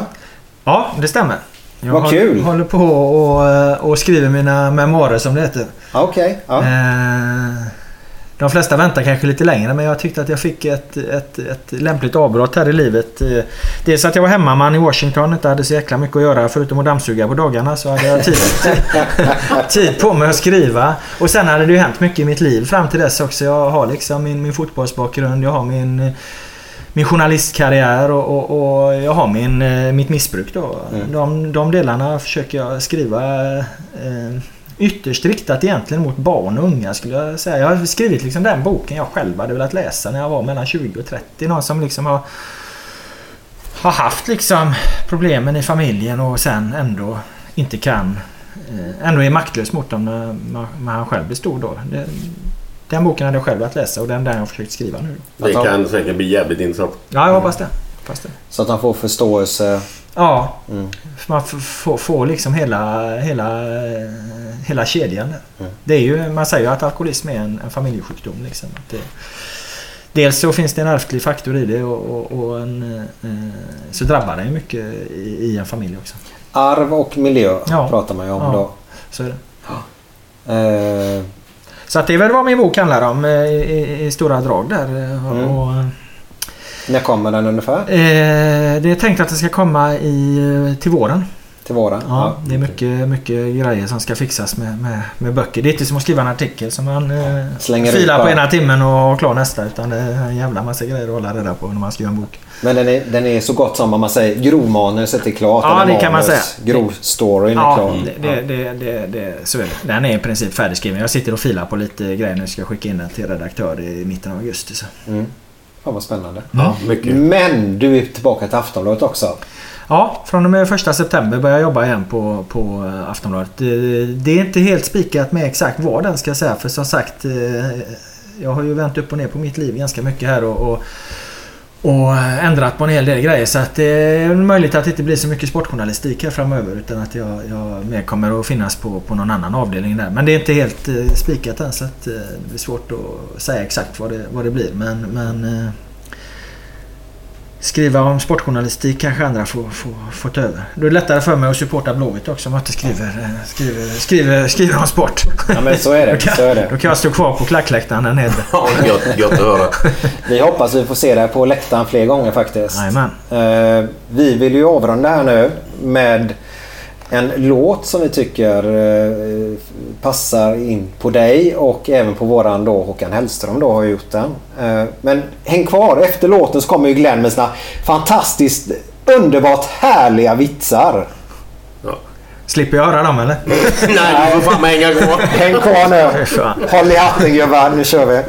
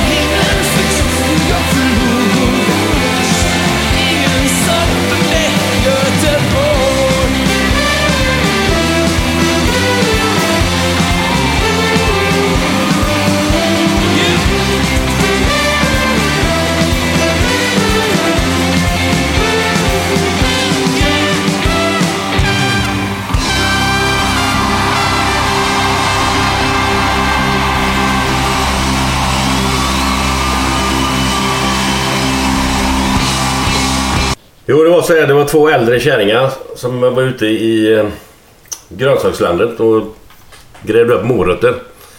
Så får den ena upp en stor jävla morot så säger, säger, den, säger hon Det är precis som Gustavs hemma. Och herregud, säger den andra. Är den så stor? Nej, men lika sketen.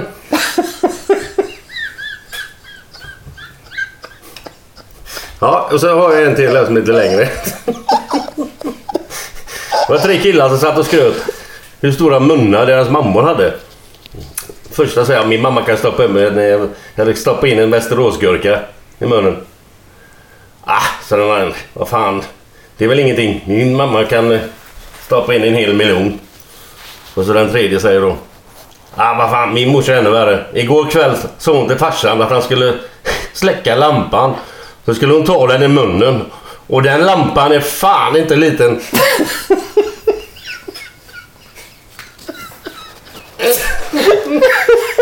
Ha det gott. Nej, du ska inte Nej, ha har du det Robert? Nej, jag har, jag har inga. Jag, jag. Jag bara berätta en grej. Bägge dessa två har han tagit två andra avsnitt. Jag har ju för fan inte strukit dem.